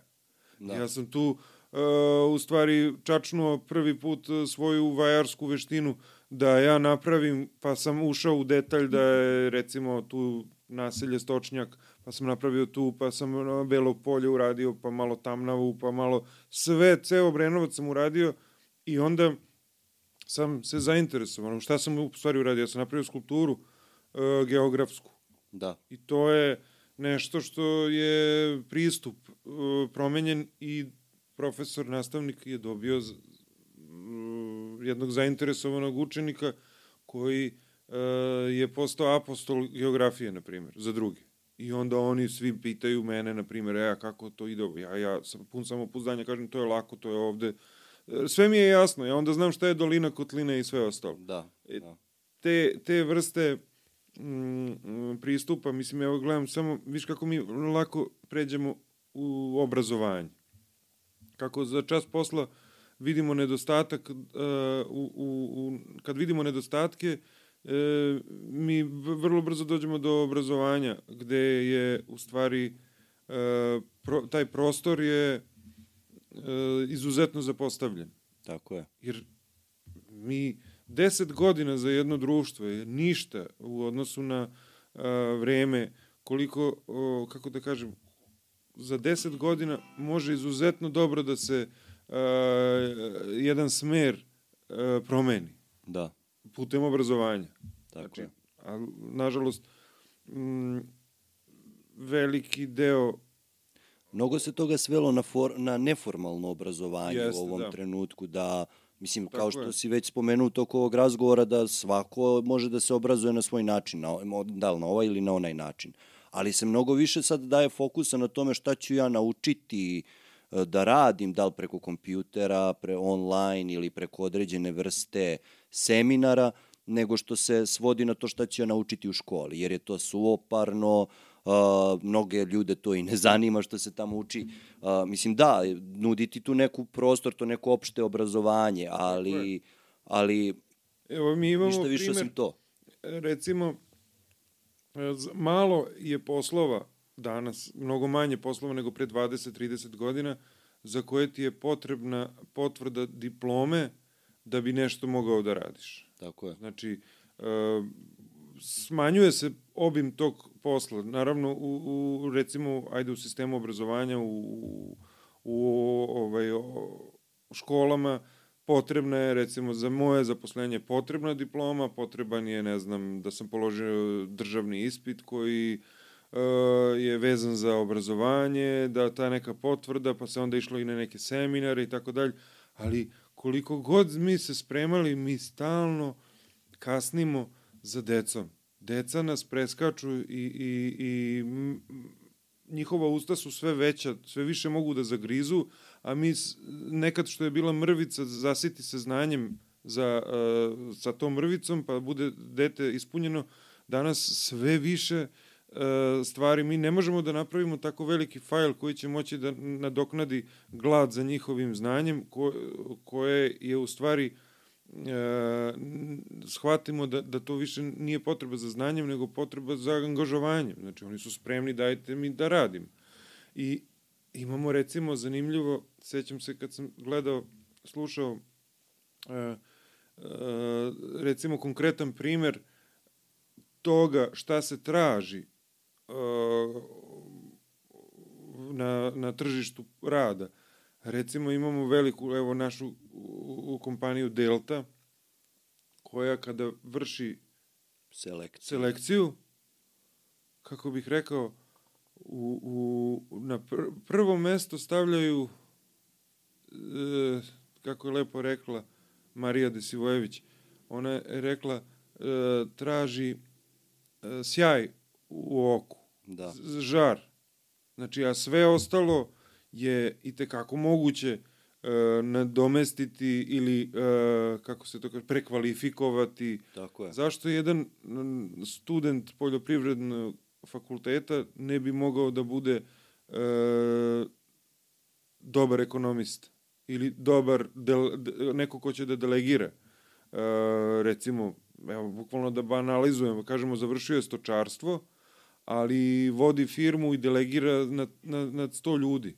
Pa to mislim da datira Zašto? još Zato od što- komunizma. Nije, ali, ali on, ali on, on uh, je moćan dovoljno, zašto? Zato što je ume, ume, ume da, da, da mm, pokaže uh, uh, volju i želju i vid, ima viziju, kako da kažem. Da. Znači, nema veze uh, uh, obrazovanje e, toliko sa, sa e, željom koja, koja može da se e, projektuje u nekoj budućnosti, kako da kažem, ja, jako je bitno u stvari imati taj žar za nečim. Pa entuzijazam u suštini nosi ono što, što ti radiš, on yes. te nosi. E, ja, ja, na primjer, kad sam bio sad skoro na nekoj predstavi, posle toga smo se našli u nekom klubu i pričam ja u tom podcastu i o svemu tome kako želim da pričam o umetnosti, o ovome, onome. Prvo pitanje nekih ljudi je bilo, pa dobro, šta si ti završio? Ja kao, pa nisam ništa od svega toga. Radim sa srednjom medicinskom, u, medicinskom školom u bolnici i prosto ovo je neka moja ljubav o kojoj želim da razgovaram, da pričamo priče na taj neki način. Pa kao, pa kako sad to? Pa dobro, to je... Mislim, ja... Čuđavanja su... Treba da, da nam budu krila. Tako je. Zato što je... E, ti, ako veruješ tebi je čuđenje drugog u stvari vetar u leđe. Tako je. Da dokažeš da... Da dokažeš da, da je su, suprotno. A ne, ne vetar u, u grudi. Prusa, da. Tako da, da sve je stvar posmatranja. Ali, na primjer, to je taj neki strah, e, ja gledam od mojih roditelja, to je pre bilo, završiš školu, zaposliš se u struci po mogućstvu u državnoj firmi, to smo, i ti tu do penzije ostaješ. Sad, a na primjer, norveški sistem sad propagira to da, da ne bi došlo do tog nekog sagorevanja, da ti posle 2, 3, 4 godine rada na jednom mestu možeš čak da promeniš ne radno mesto, nego celokupnu profesiju kojom se baviš. Nuditi te seminare, fakultete, svašta nešto koje što je poprilično fleksibilno u tom kontekstu da ti u svakom životnom trenutku možeš da kažeš, ej, ja neću više da se bavim, idem da radim to. Jeste. I, i pazi, to je zanimljivo, jer ti iskustvo iz jedne grane uh, unosiš u drugo. Tako je. I e, mnogo, mnogo zanimljivih stvari može da nastane. Da. Pa to je ono pitanje kao pa kako medicina i pisanje, pošto se ja pored ovog bavim i pisanje, kao kako medicina i pisanje. Pa ti, ti kad pišeš, pišeš o ljudima, logično. Šta god da pišeš, pišeš o ljudima. Ali ti u toj situaciji u bolnici kada je konstantno, kada su ljudi tu, što bi rekli, na ivici između života i smrti, ti od njih dobiješ uh, u zavisnosti od trenutka uh, uvek ekstrem, ili najbolji od njih ili najgore od njih. Da. Tako da to je poprilično inspirativan jedan opseg koji može da ti pruži mnogo toga u tom kreativnom smislu. Jeste, naravno. I to su stvari koje su uh, kako ako se čovjek opusti svašta može da mu se dogodi u životu u smari ako se ako dopusti ne opusti ako ako da. dopusti uh, može da doživi kvalitetne promene. Tako je. Jer to je kao da kažeš kako to, pa kako jedeš i piješ, pa mislim, jedem, pa pijem. Ali zajedno je jako dobro. Da. tako da, da je to, to je, to je tako paušalno razdvajanje, tako da nema potrebe da se tu uznemiravaš puno je uznemirao se s timom da i dalje. Da se čudiš. Da. da, da, da. Mislim da, ču, čuđenje, ali dobro, to sve zavisi od, od osobe do osobe. Jeste, naravno. To je poprilično jedna karakteristična stvar za određenu grupu ljudi, a dok druga ovo sagledava kao svaka čast na entuzijazmu i podrška. Pa, i sve. da, ali jako bitna stvar u svakom poslu je kilometraža negde. Tako je. Jer to je, to je ono samopouzdanje o kojem pričamo jer ta kilometraža i ta pređeni put e, prvo za sobom ostavljaš trag, naravno nisi ti preskočio 100.000 km pa došao na 300, nego si prešao 100 pa 200 pa 300. Tako je. Tako da, da tragove koje ostavljamo u stvari su e, put, put koji smo napravili. Tako je. I, I to je jako bitno, znači da se čovek fokusira recimo evo u mom poslu E, da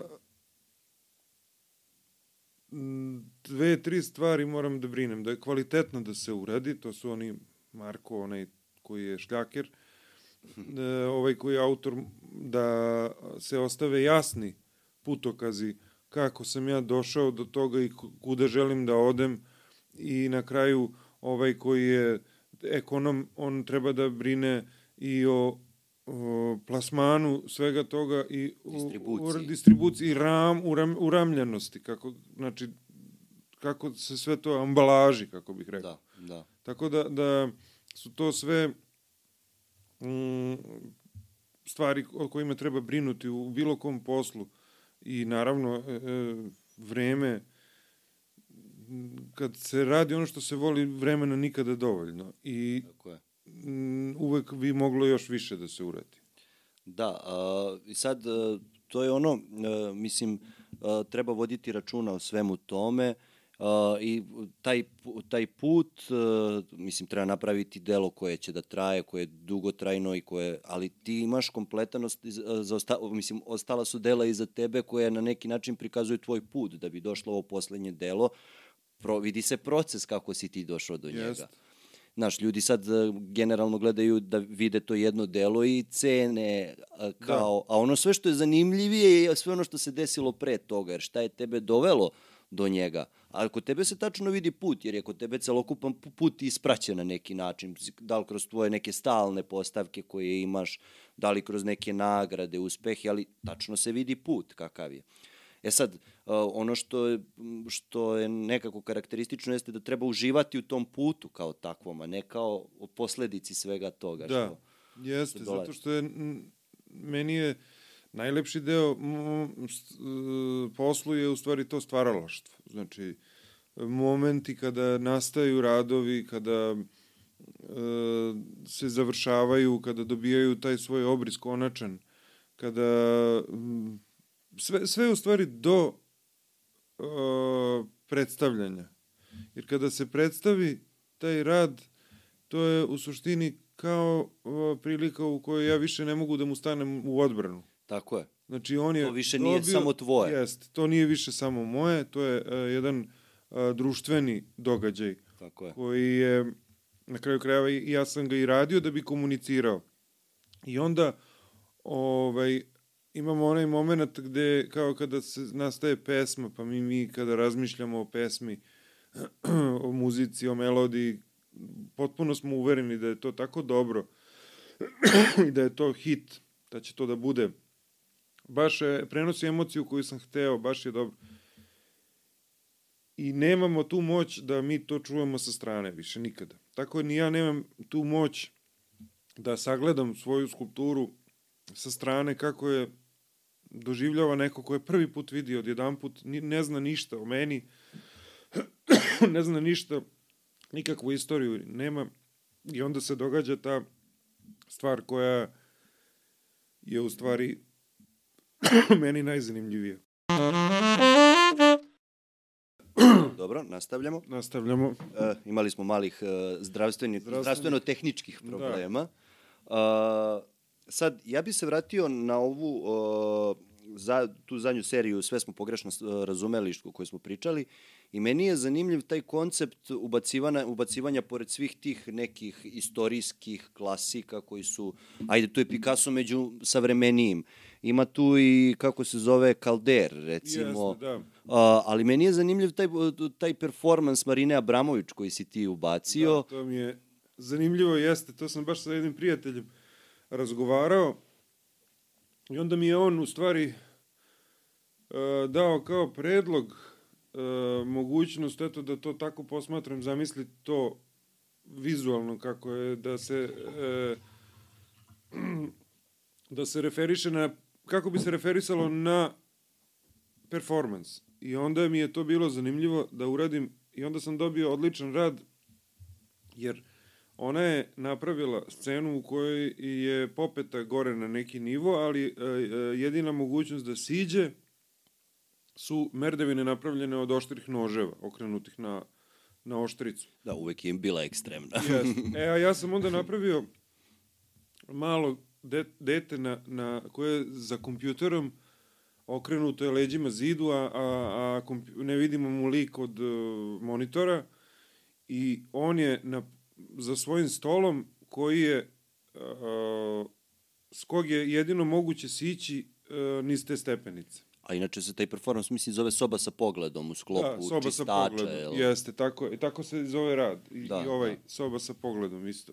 O, o, gde on u stvari jedini pogled je u kompjuter, odnosno u monitor. Da. I mi ne vidimo čak ni njegov lik, zato što je on ovako predstavljen. Tako, nit pogled, nit lik. Nit pogled, nit, nit, nit lik. I oštrice koje su sad i nebitne. U suštini one sad više nisu uh, tu da uh, bi ti možda mogao da siđeš, nego su tu da bi roditelj ne bi mogo da dođe. da. Da ne bi video šta on to sve posmatra i gleda. Pa to su sve isto tako faze kroz koje sam prolazio kad smo svi kao po defaultu brinuli šta nam deca rade na kompjuteru, šta nam deca rade za telefon. I kad su svi mislili da, a, pod znacima navoda, mogu da kontrolišu šta im deca rade na internetu. Jeste, u suštini da. kontrola ne postoji. U suštini je to kao strah od automobila početkom 20. veka. E, ljudi su mislili da će da umru od prirodnom smrću ako budu išli brzinom 50-60 na sat. Da. Mislili su.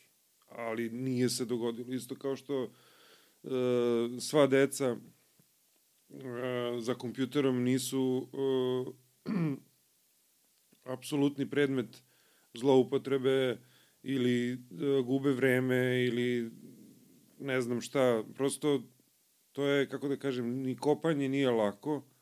Ima puno da se kopa i da se možda čovjek povredi, ali na kraju krajeva dobije, dođe, dođe se do nekog kako da kažem, rezultata u zavisnosti koju kulturu si posla, po, poseo. Tako je. Tako i taj boravak nove neke gener, novih generacija za kompjuterom, za ekranom, za nekomunikacijom, donosi neke svoje nove prednosti i veštine za civilizaciju koja dolazi.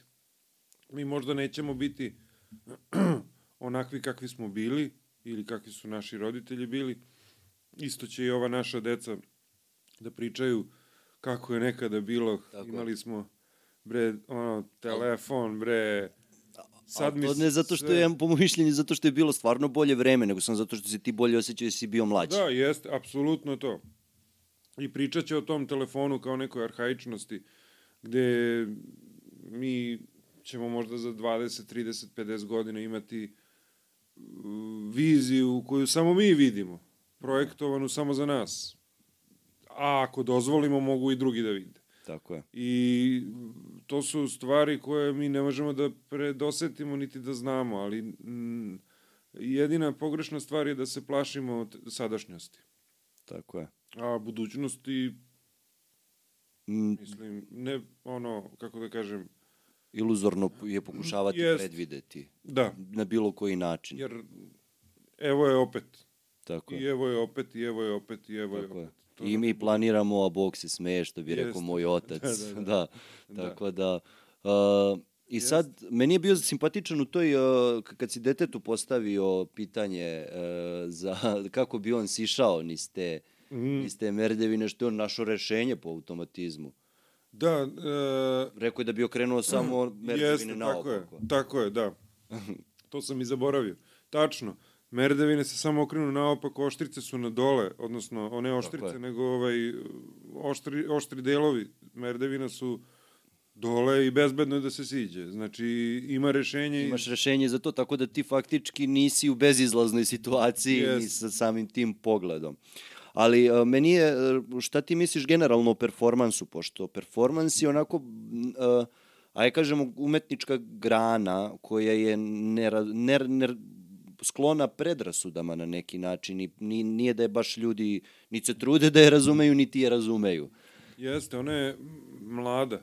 Tako je. Uh, postoji, ne postoji ni 50 godina. Pa, mm, Možda 50 godina. Ona je mlada za percepciju, ja, ja kad govorim o mla, mladosti performansa, pre, prevashodno uh, pričam o percepciji publike koja, eto, je, uh, interesuje se za umetnost. E, problem je u tome što se publika malo i plaši performera i e, što e, to dokazuje da u stvari performans ima jednu od možda najjačih energetski Tako je. Delo, delovanja. Najjačih uticaja. Najjačih uticaja i delovanja neposrednog u, cele uh, vizualne umetnosti pod koju ona, ajde da kažem, ona sada spada, ne, ne spada možda ni pod to, ali spada u neku izvođačku umetnost. ali ona, uh, uh, performans je uh, smešten upravo tim neznanjem i strahom neće je likovni umetnici, a ne bi je ni izvođački umetnici. Ne bi je ni glumci. Ne bi je ni glumci i... Ni plesači. Da, ali to, to je, ja sada govorim kao neko ko uh, priča, uh, kao da, da pričam pre 15 godina, ali nažalost i danas je takva situacija među mahom uh, uh, galerija i tako dalje. Niko se ne, ne upušta u, u tako lako u, u, u te domene. Taj domen, prvo zato što je to nekako neisplativo.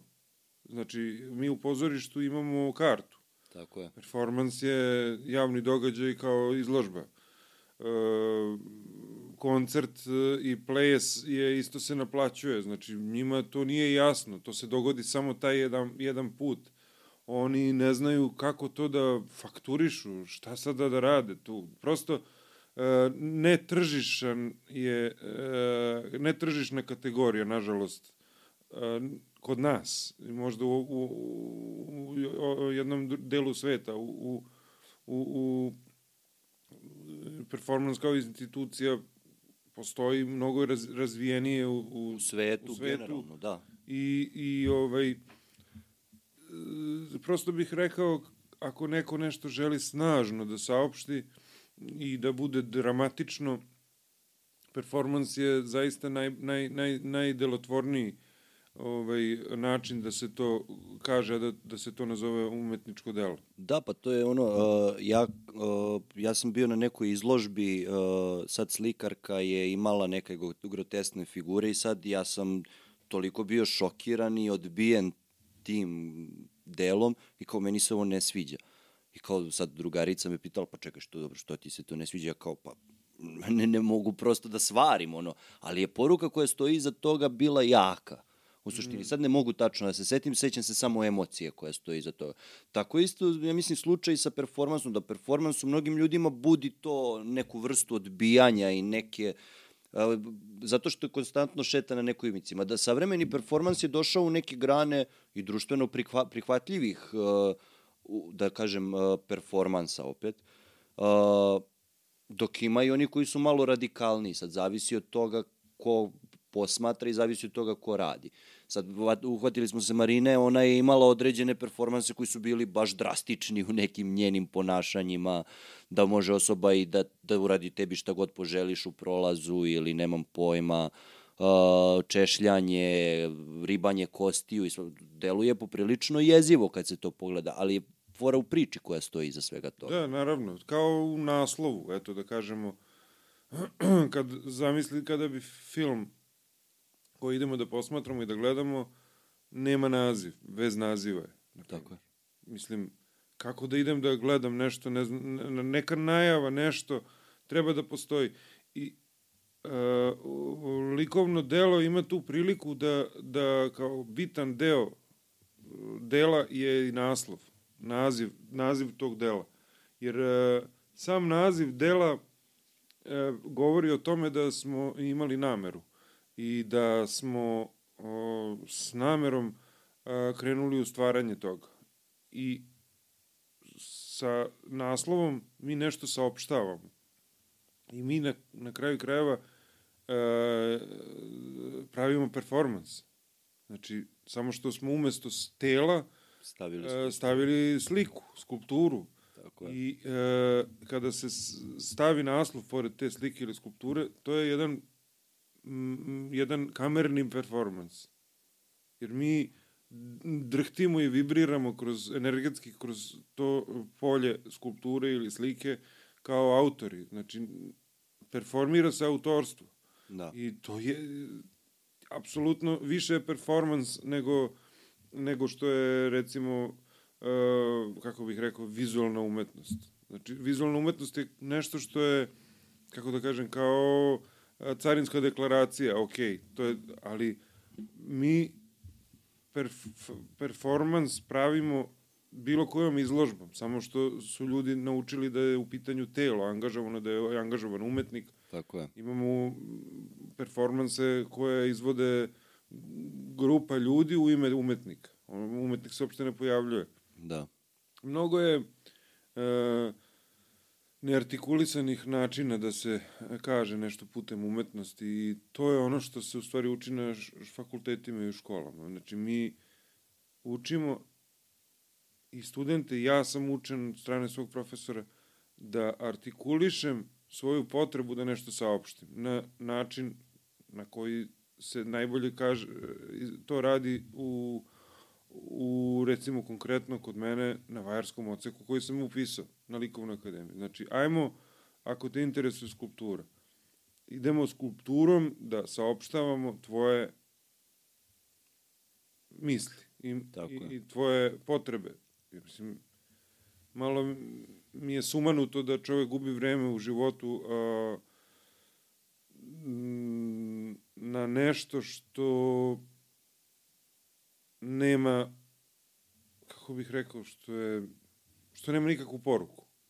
Pa to je ono, ali koliko poruka ti mnogo daješ akcenat na tome da mora publika da razume ono što ja, što ja radim. Evo, primer Marine. Ni da. ona da je išla tako, ona bi pravila serije, verovatno, za Hollywood. Da. Jel, onda bi je svi razumeli. Tako je. Ali je njena veličina u tome što je ona mimo toga, ona je radila uh, performans, radila je umetnički rad koji je mm, toliko subjektivno jasan njoj da mi počinjemo da prihvatamo njeno razmišljanje kao način opšteg razmišljanja. Da, ali za tako nešto je performans savršen medijum. Jeste, da, i može da se replicira, može da tako da bude je. snimljen, može kao što je bilo na izložbi e, njenoj u Beogradu, da. E, drugi, umetni, drugi, drugi učesnici, drugi umetnici da reprodukuju. reprodukovali taj njen rad, jer važna je namera bila njoj. Da. I, zanimljivo kako namera umetnosti s vremenom uh, gubi ili dobija uh, kako se događaju uopšte ovi događaji danas u svetu, mnogo toga se menja i neki radovi dobijaju drugačiju dimenziju čitanja. Tako je, ali uh, to je sve stvar, uh, mislim, uh, umetničko delo uh, nije samo ono što je umetnik teo da kaže, postoji neki politički kontekst koji stoji iza svega toga, ne mislim direktno da. geopolitički kontekst. Jest. A, postoji namera koja stoji iza svega toga, postoji situacija i emotivno stanje gledalacu koji on to umetničko delo gleda. I kada se sve te stvari spoje, ti dobiješ u suštini sud na da. neki način. Mm, jeste. I neočekivanost recimo ono, pardon što, e, ima ona tvoja skulptura sugestija, ta sugestija da se desila šest meseci yes. uh, pre ovog razgovora, odnosno godinu i nešto dana, ne znam kad kasnije, imala bi totalno da. drugačiju perspektivu yes. nego tada kad se dogodila. Jeste, to je, to je jedan od uh, tih neočekivanih obrata u umetnosti, gde uh, ja sam uh, pravio skulpturu koja je E, e, imala nameru da se bavi problemom koji ja imam u tom trenutku, a, a onda je taj produkt skulptura koju sam ja napravio radi neke eto moje potrebe da rešim neke svoje probleme po pitanju e, odrastanja tinejdžera postala opšta maltene apsolutno identična situacija koja se dogodila u... u... Da, da objasnimo za sad, za, za priču, mislim, skulpturu. To je dete koje ima malu figuricu na ramenu, I koje, koje mu šapuće kao šaptač na uvo, da. na uvo, koje mu daje neke sugestije, a veliko dete Jeste. drži pištolj u desnoj ruci. Jeste, to ono dete u prirodnoj veličini. I sad, Tako je. Imali smo situaciju da sam imao izložbu u, baš na Vračaru u, u vreme kada se to dogodilo, da ja sam se setio to jutro da ja sam tu skulpturu stavio u izlog, ta skulptura je bukvalno o, bila na nekih, ajde da kažemo, 500-600 metara od te škole. I apsolutno su svi znali šta se dogodilo to jutro i kako je to izgledalo. Ja sam odmah zvao da se skloni to, zato što e, i to, to je zanimljivo i tim činom sklanjanja e, isto umetnost e, dobija svoje čitanje. Znači, kada ga nema, bitno je nekada i da ga nema. Tako. Kao što je ga ima, znači i meni je jako... Nekad je pod kontekst važniji od konteksta. Jeste, da. To su, to su, to, to su stvari koje su zanimljive u stvari umetnosti, kako kao u šahu, znaš, mislim, e, nekad je kraljica jako bitna, ali nekad su dva pijuna mnogo važnija od, od, od te kraljice koja je trenutno zauzeta tamo nekim topom.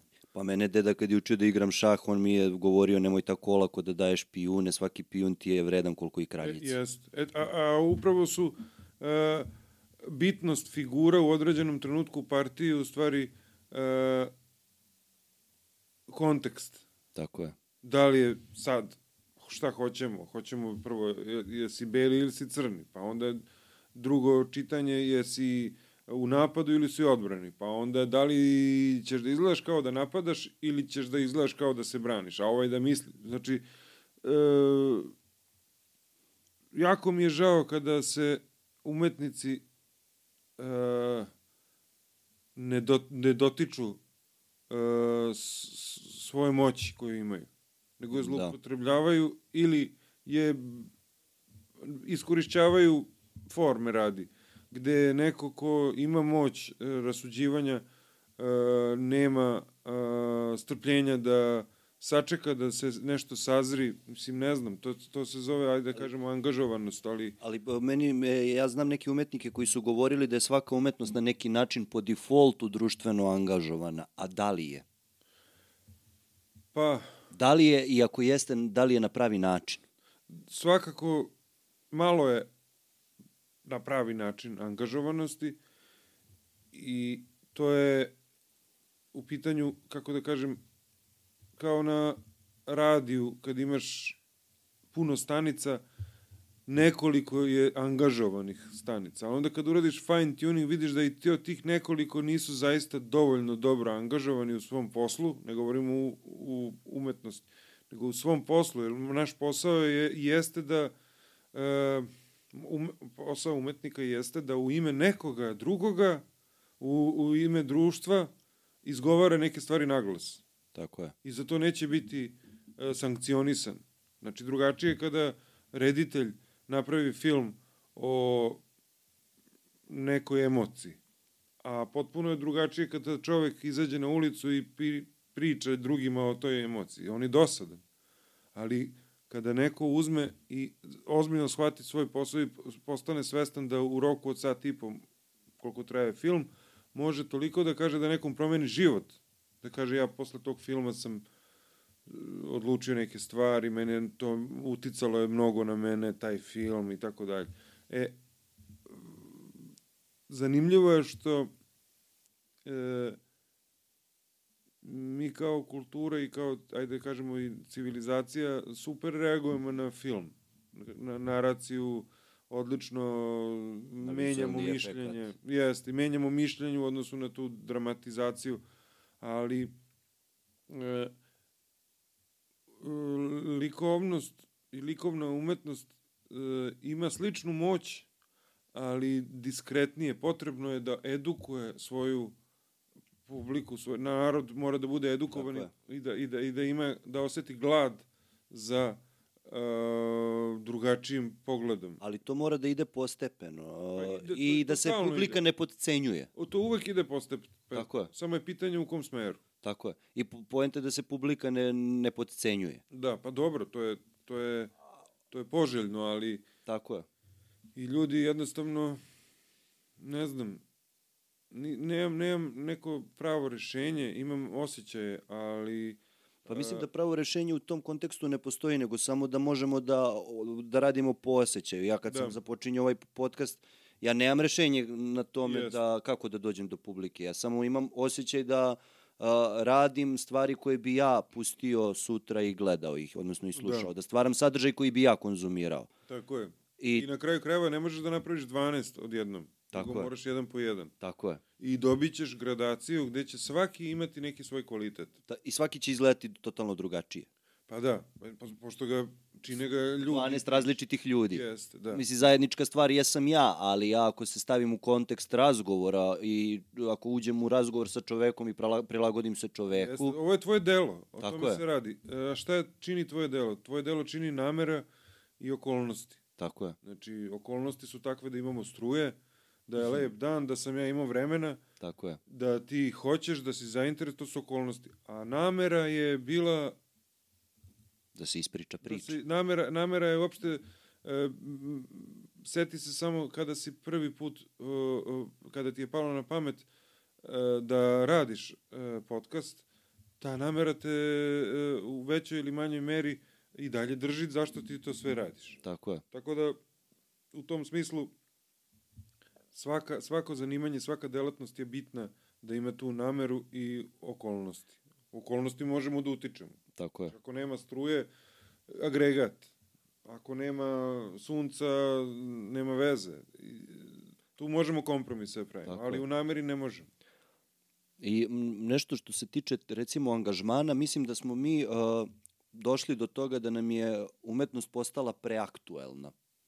Odnosno da smo ušli u tu situaciju da stvaramo za ovo vreme sada i da uh, nemamo neki dublji kontekst svega toga. M, a, kako da, da kažem, uh, zašto je Šekspir i dan danas uh, toliko primenljiv, da potrebim ovu reč u nedostatku bolje, zato što je uh, zato što je opšte uh, aktuelan, ako razumeš šta hoću da ti kažem. A mi smo ušli u tu začaranu krug političkog angažmana pre svega, a izgubili smo sami sebe na neki način. Da, Da jeste. Mi smo, mi, mi, nama i odgovara da se bavimo uh, dnevnim aktualnostima, zato što mnogo ljudi zna o čemu pričamo u tom trenutku. Tako je. Znači, ako se sad dogodilo nešto na ulici da, da izađemo, možemo vrlo brzo da zaposednemo razgovor i da imamo svoje mišljenje. Ali ajmo da pričamo sa, na ulici o, o, o recimo zemljotresu u Turskoj, koji je isto velika stvar, katastrofična, gde je mnogo više ljudi poginulo od recimo ovog trenutnog katastrofe u, u, u Palestini. Jer govorimo o brojevima namerno zato što smo mi biće koja deluju na brojeve, znači i na dra, dramu svega toga. Ovaj, mi nemamo, bio bi, izazvo bi čuđenje, otkud ti sad to, mislim, to je bilo, šta sad, ajmo sad da pričamo o ovome. Znači, mi smo e, naštelovani tako da zatrpavamo e, interesovanje o, o suštinski o nama tako što se bavimo Tako je. parcijalno o nama, samo ono što nam što nas vrbi trenutno. Ali ti si onda uzeo jednu stvar koja je uh, toliko opšte aktuelna, to je roditeljstvo. Da. Jer kako tebe muči uh, tvoje odgajanje deteta, tako muči isto Jeste, i čoveka u Australiji, tako isto muči, tako će isto mučiti, mučiti možda sutra moje dete koje će gajiti svoje dete.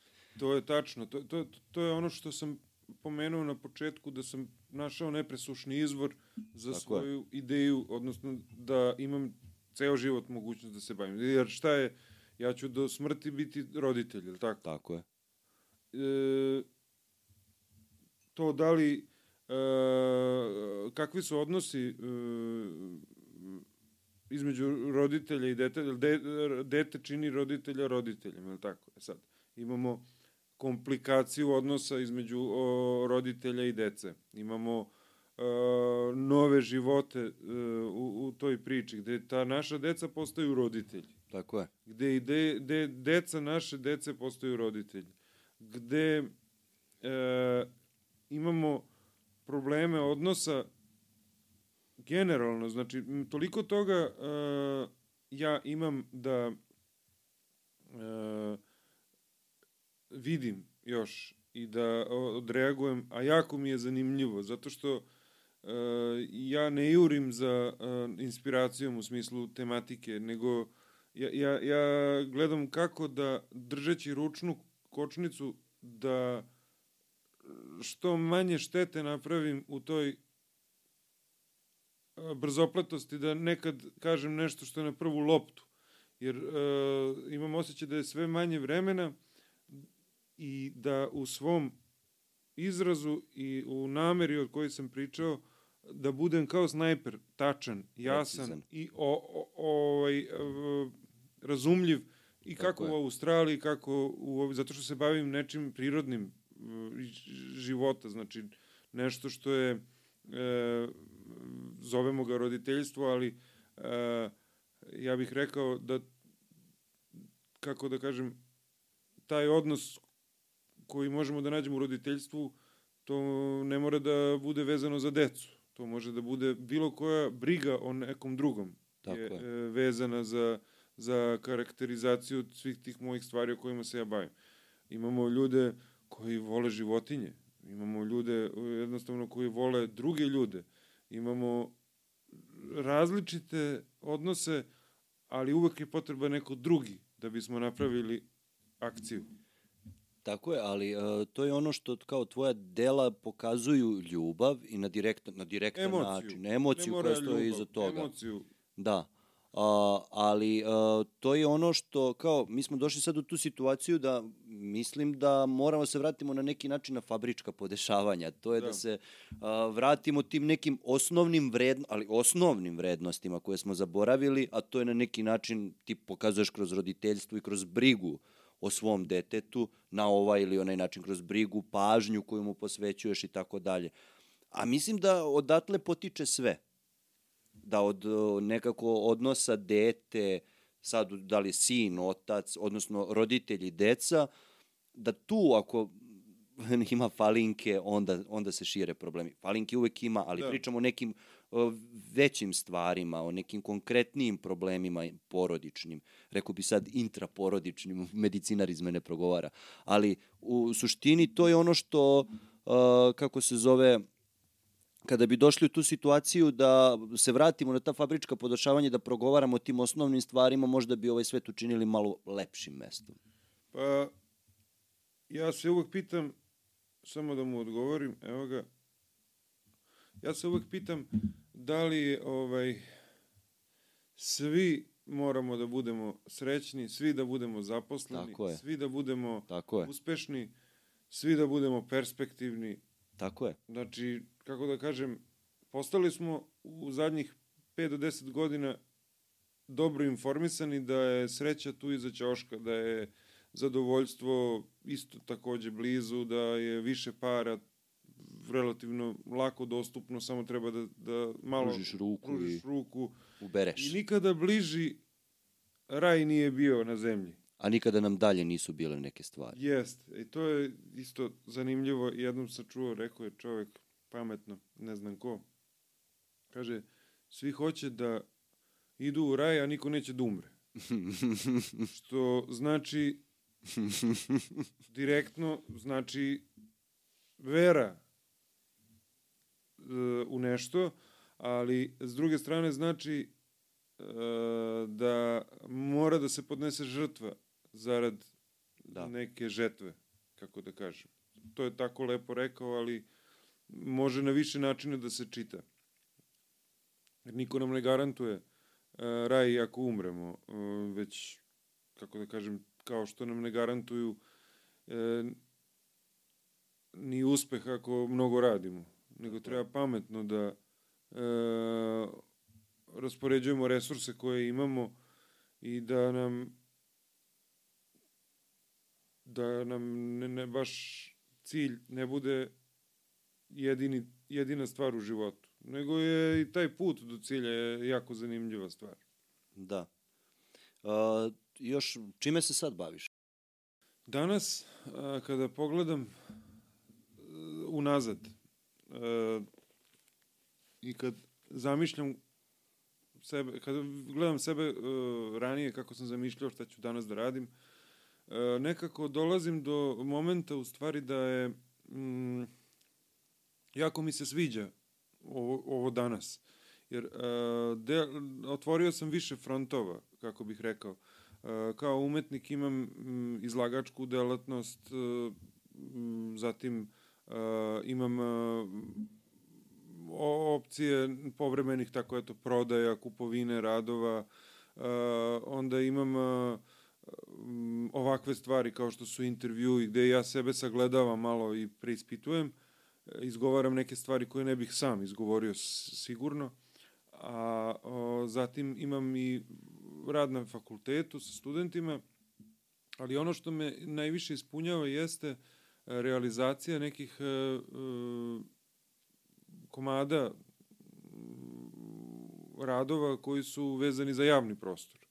I imao sam nekoliko uh, iskustava takvih u zadnjih nekoliko godina sa skulpturom, autorskom skulpturom koju sam postavio u Šapcu, uh, zatim skulpturu na ekonomskom fakultetu koja je posvećena ekonomiji kao na, na, naručena skulptura na tu temu koju ću ja da realizujem i da dam svoj, svoje mišljenje o tome putem skulpture. I to se pokazalo kao odlična stvar. E, uskoro treba da realizujem i skulpturu u Kragujevcu, e, isto e, u javnom prostoru, naručenu sa povodom da prvobitno da to bude javna česma koja će biti moje delo. Tako da sam i to sada realizovao, u pitanju je, su neki završni radovi i to je ono što me u stvari ispunjava da zamišljam i da realizujem e, potencijalne skulpture za javni prostor koji će da oplemeni mojim autorskim e, razmišljanjima.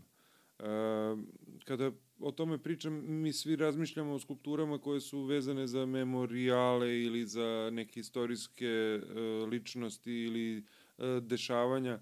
To su stvari, recimo, koje mene toliko ne ispunjavaju. E, gde ja umem to da uradim, ali ne osjećam da sam dao sebe apsolutno u tome i onda to iskustvo sa autorskom skulpturom u javnom prostoru, gde ja dajem svoju viziju nekog dela u prostoru i kao garant e, svemu tome jeste činjenica da, da će to da stoji narednih decenija, možda da stoji 100 godina i više i tako dalje. I e, ta, me, ta me e, činjenica mnogo više ispunjava i nekako u poslednje vreme ka tome želim da, da idem, da, da radim na, na tome da prvenstveno povećam gabarite svojih skulptura, da izađu u javni prostor, promene materijal, u pitanju su uglavnom skulpture od čelika ili eventualno od bronze i nastanak tih skulptura je direktno vezan za investitore, jer redko se događa da ja sada, mislim, to, to, to ne bih ni voleo, da ja radim skulpturu koja će da bude negde postavljena. Znači, jako mi je bitan taj komunikativni deo između naručioca, odnosno potrebe, da li je u pitanju grad, opština, da li je u pitanju privatno lice koje želi da pokloni gradu, ili u pitanju neki privatni prostor koji je eksterijer i prija mnogo umetniku to poverenje ajde nešto ti uradi za ovaj prostor. E, to, to je on, on, onaj moment koji od mene pravi a, potvrdu da sam autor i da je nešto što ja pravim a, za sebe a, po, poželjno da, da bude za drugi. To, to je neki onako... A, faktički praviš nešto što će ostati i za tebe Jeste, i da. kasnije da. za neke da. druge Ali, velika je dugoročnija vremena. Da, velika je privilegija e, kada neko e, želi da podeli sa svo, svojim društvom e, neko, neko delo ili neki rad tuđi. Znači, neko je prepoznao u meni artikulatora svojih potreba da s, s, s mojom skulpturom objedinimo taj, tu želju, da, u, u, da postavimo jedan prostor u neki drugačiji kontekst. Znači, recimo u Šapcu sam imao tu skulpturu bicikliste, malog bicikliste, velika je skulptura, ima 5 metara ali je smešteno u jedan park e, koji u sebi ima kru, kružni deo veliki i tu se obično e, skupljaju deca koja uče da voze biciklu. I taj e, moment postavke te skulpture u taj prostor čini da ta skulptura nekoj deci postane sećanje i markira se memorija direktna njihova na njihovo detinstvo i vreme provedeno sa roditeljima kad su učili da voze biciklu, na primjer, ili kad su provodili vreme u tom parku, to je marker koji stoji njima u sećanju kao e, nije samo sećanje, nego je i dalje stoji ta skulptura kao neki parametar e, njihovog vremena e, detinjstva. E, to je meni onako e, ispunjuje me. Kada postajem deo nečeg sećanja. Da. Marko, hvala ti puno na ovom gostovanju. Bilo mi je jako, jako drago pričati s tobom, veliko zadovoljstvo. Nadam se da si ti uživao podjednako koliko ja i ja. Ja sam, ovo mi je prvi put i... i Nadamo se ne, poslednji. Da, dobro, kad bude nešto novo, zanimljivo, ne, ne, ne, nečemu užem, eto, kako da kažem, uh, upoznajemo se i sa publikom, i publika će verovatno početi da prati ono što ja radim, videće neko nešto, pa ćemo sledeći neki podcast da napravimo usko vezan za neki rad ili da objašnjavamo prosto da se bavimo o nečim detaljnije, jer ovo je opšte, opšte mesta jednog umetnika i živo, život, Tako je. život jednog umetnika na neki Demistifikacija način. njegovog ži, života. Da, to je možda nije toliko zanimljivo umetnicima koliko može da bude zanimljivo nekom ko se interesuje za umetnost. Tako je. Kao što je meni zanimljivo da eto, volim da, da gledam te podcaste koji su e, nekako društveno-političkog karaktera ili putopisnog karaktera. Da. Imam osjećaj kao da neko umesto mene to ide da radi i jako sam mu zahvalan. Pa uglavnom slušamo ono što mi, što nije neki naš deo, yes. delovanja. Tako je, da. Jer se tu osjećamo komfortno. Tako je, tako je. Tako da hvala puno na, na pozivu. Hvala tebi i mi se vidimo, nadam se opet, da. tako da, da nemam nikakav problem sa tim da ponavljam ljude i da, da razgovaramo da, da. možda i detaljnije o nekim yes. stvarima. Tako je. Ali za detaljne stvari treba ozbiljnija priprema i sa moje strane. Tako pa dobro. Da, što ćemo, što nije nikakav problem. Da. To je najmanji problem. Ništa, hvala ti. Hvala i tebi još jedno. Pa se vidimo. Vidimo se, pozdrav svima. Ćao. Ćao. Thank you.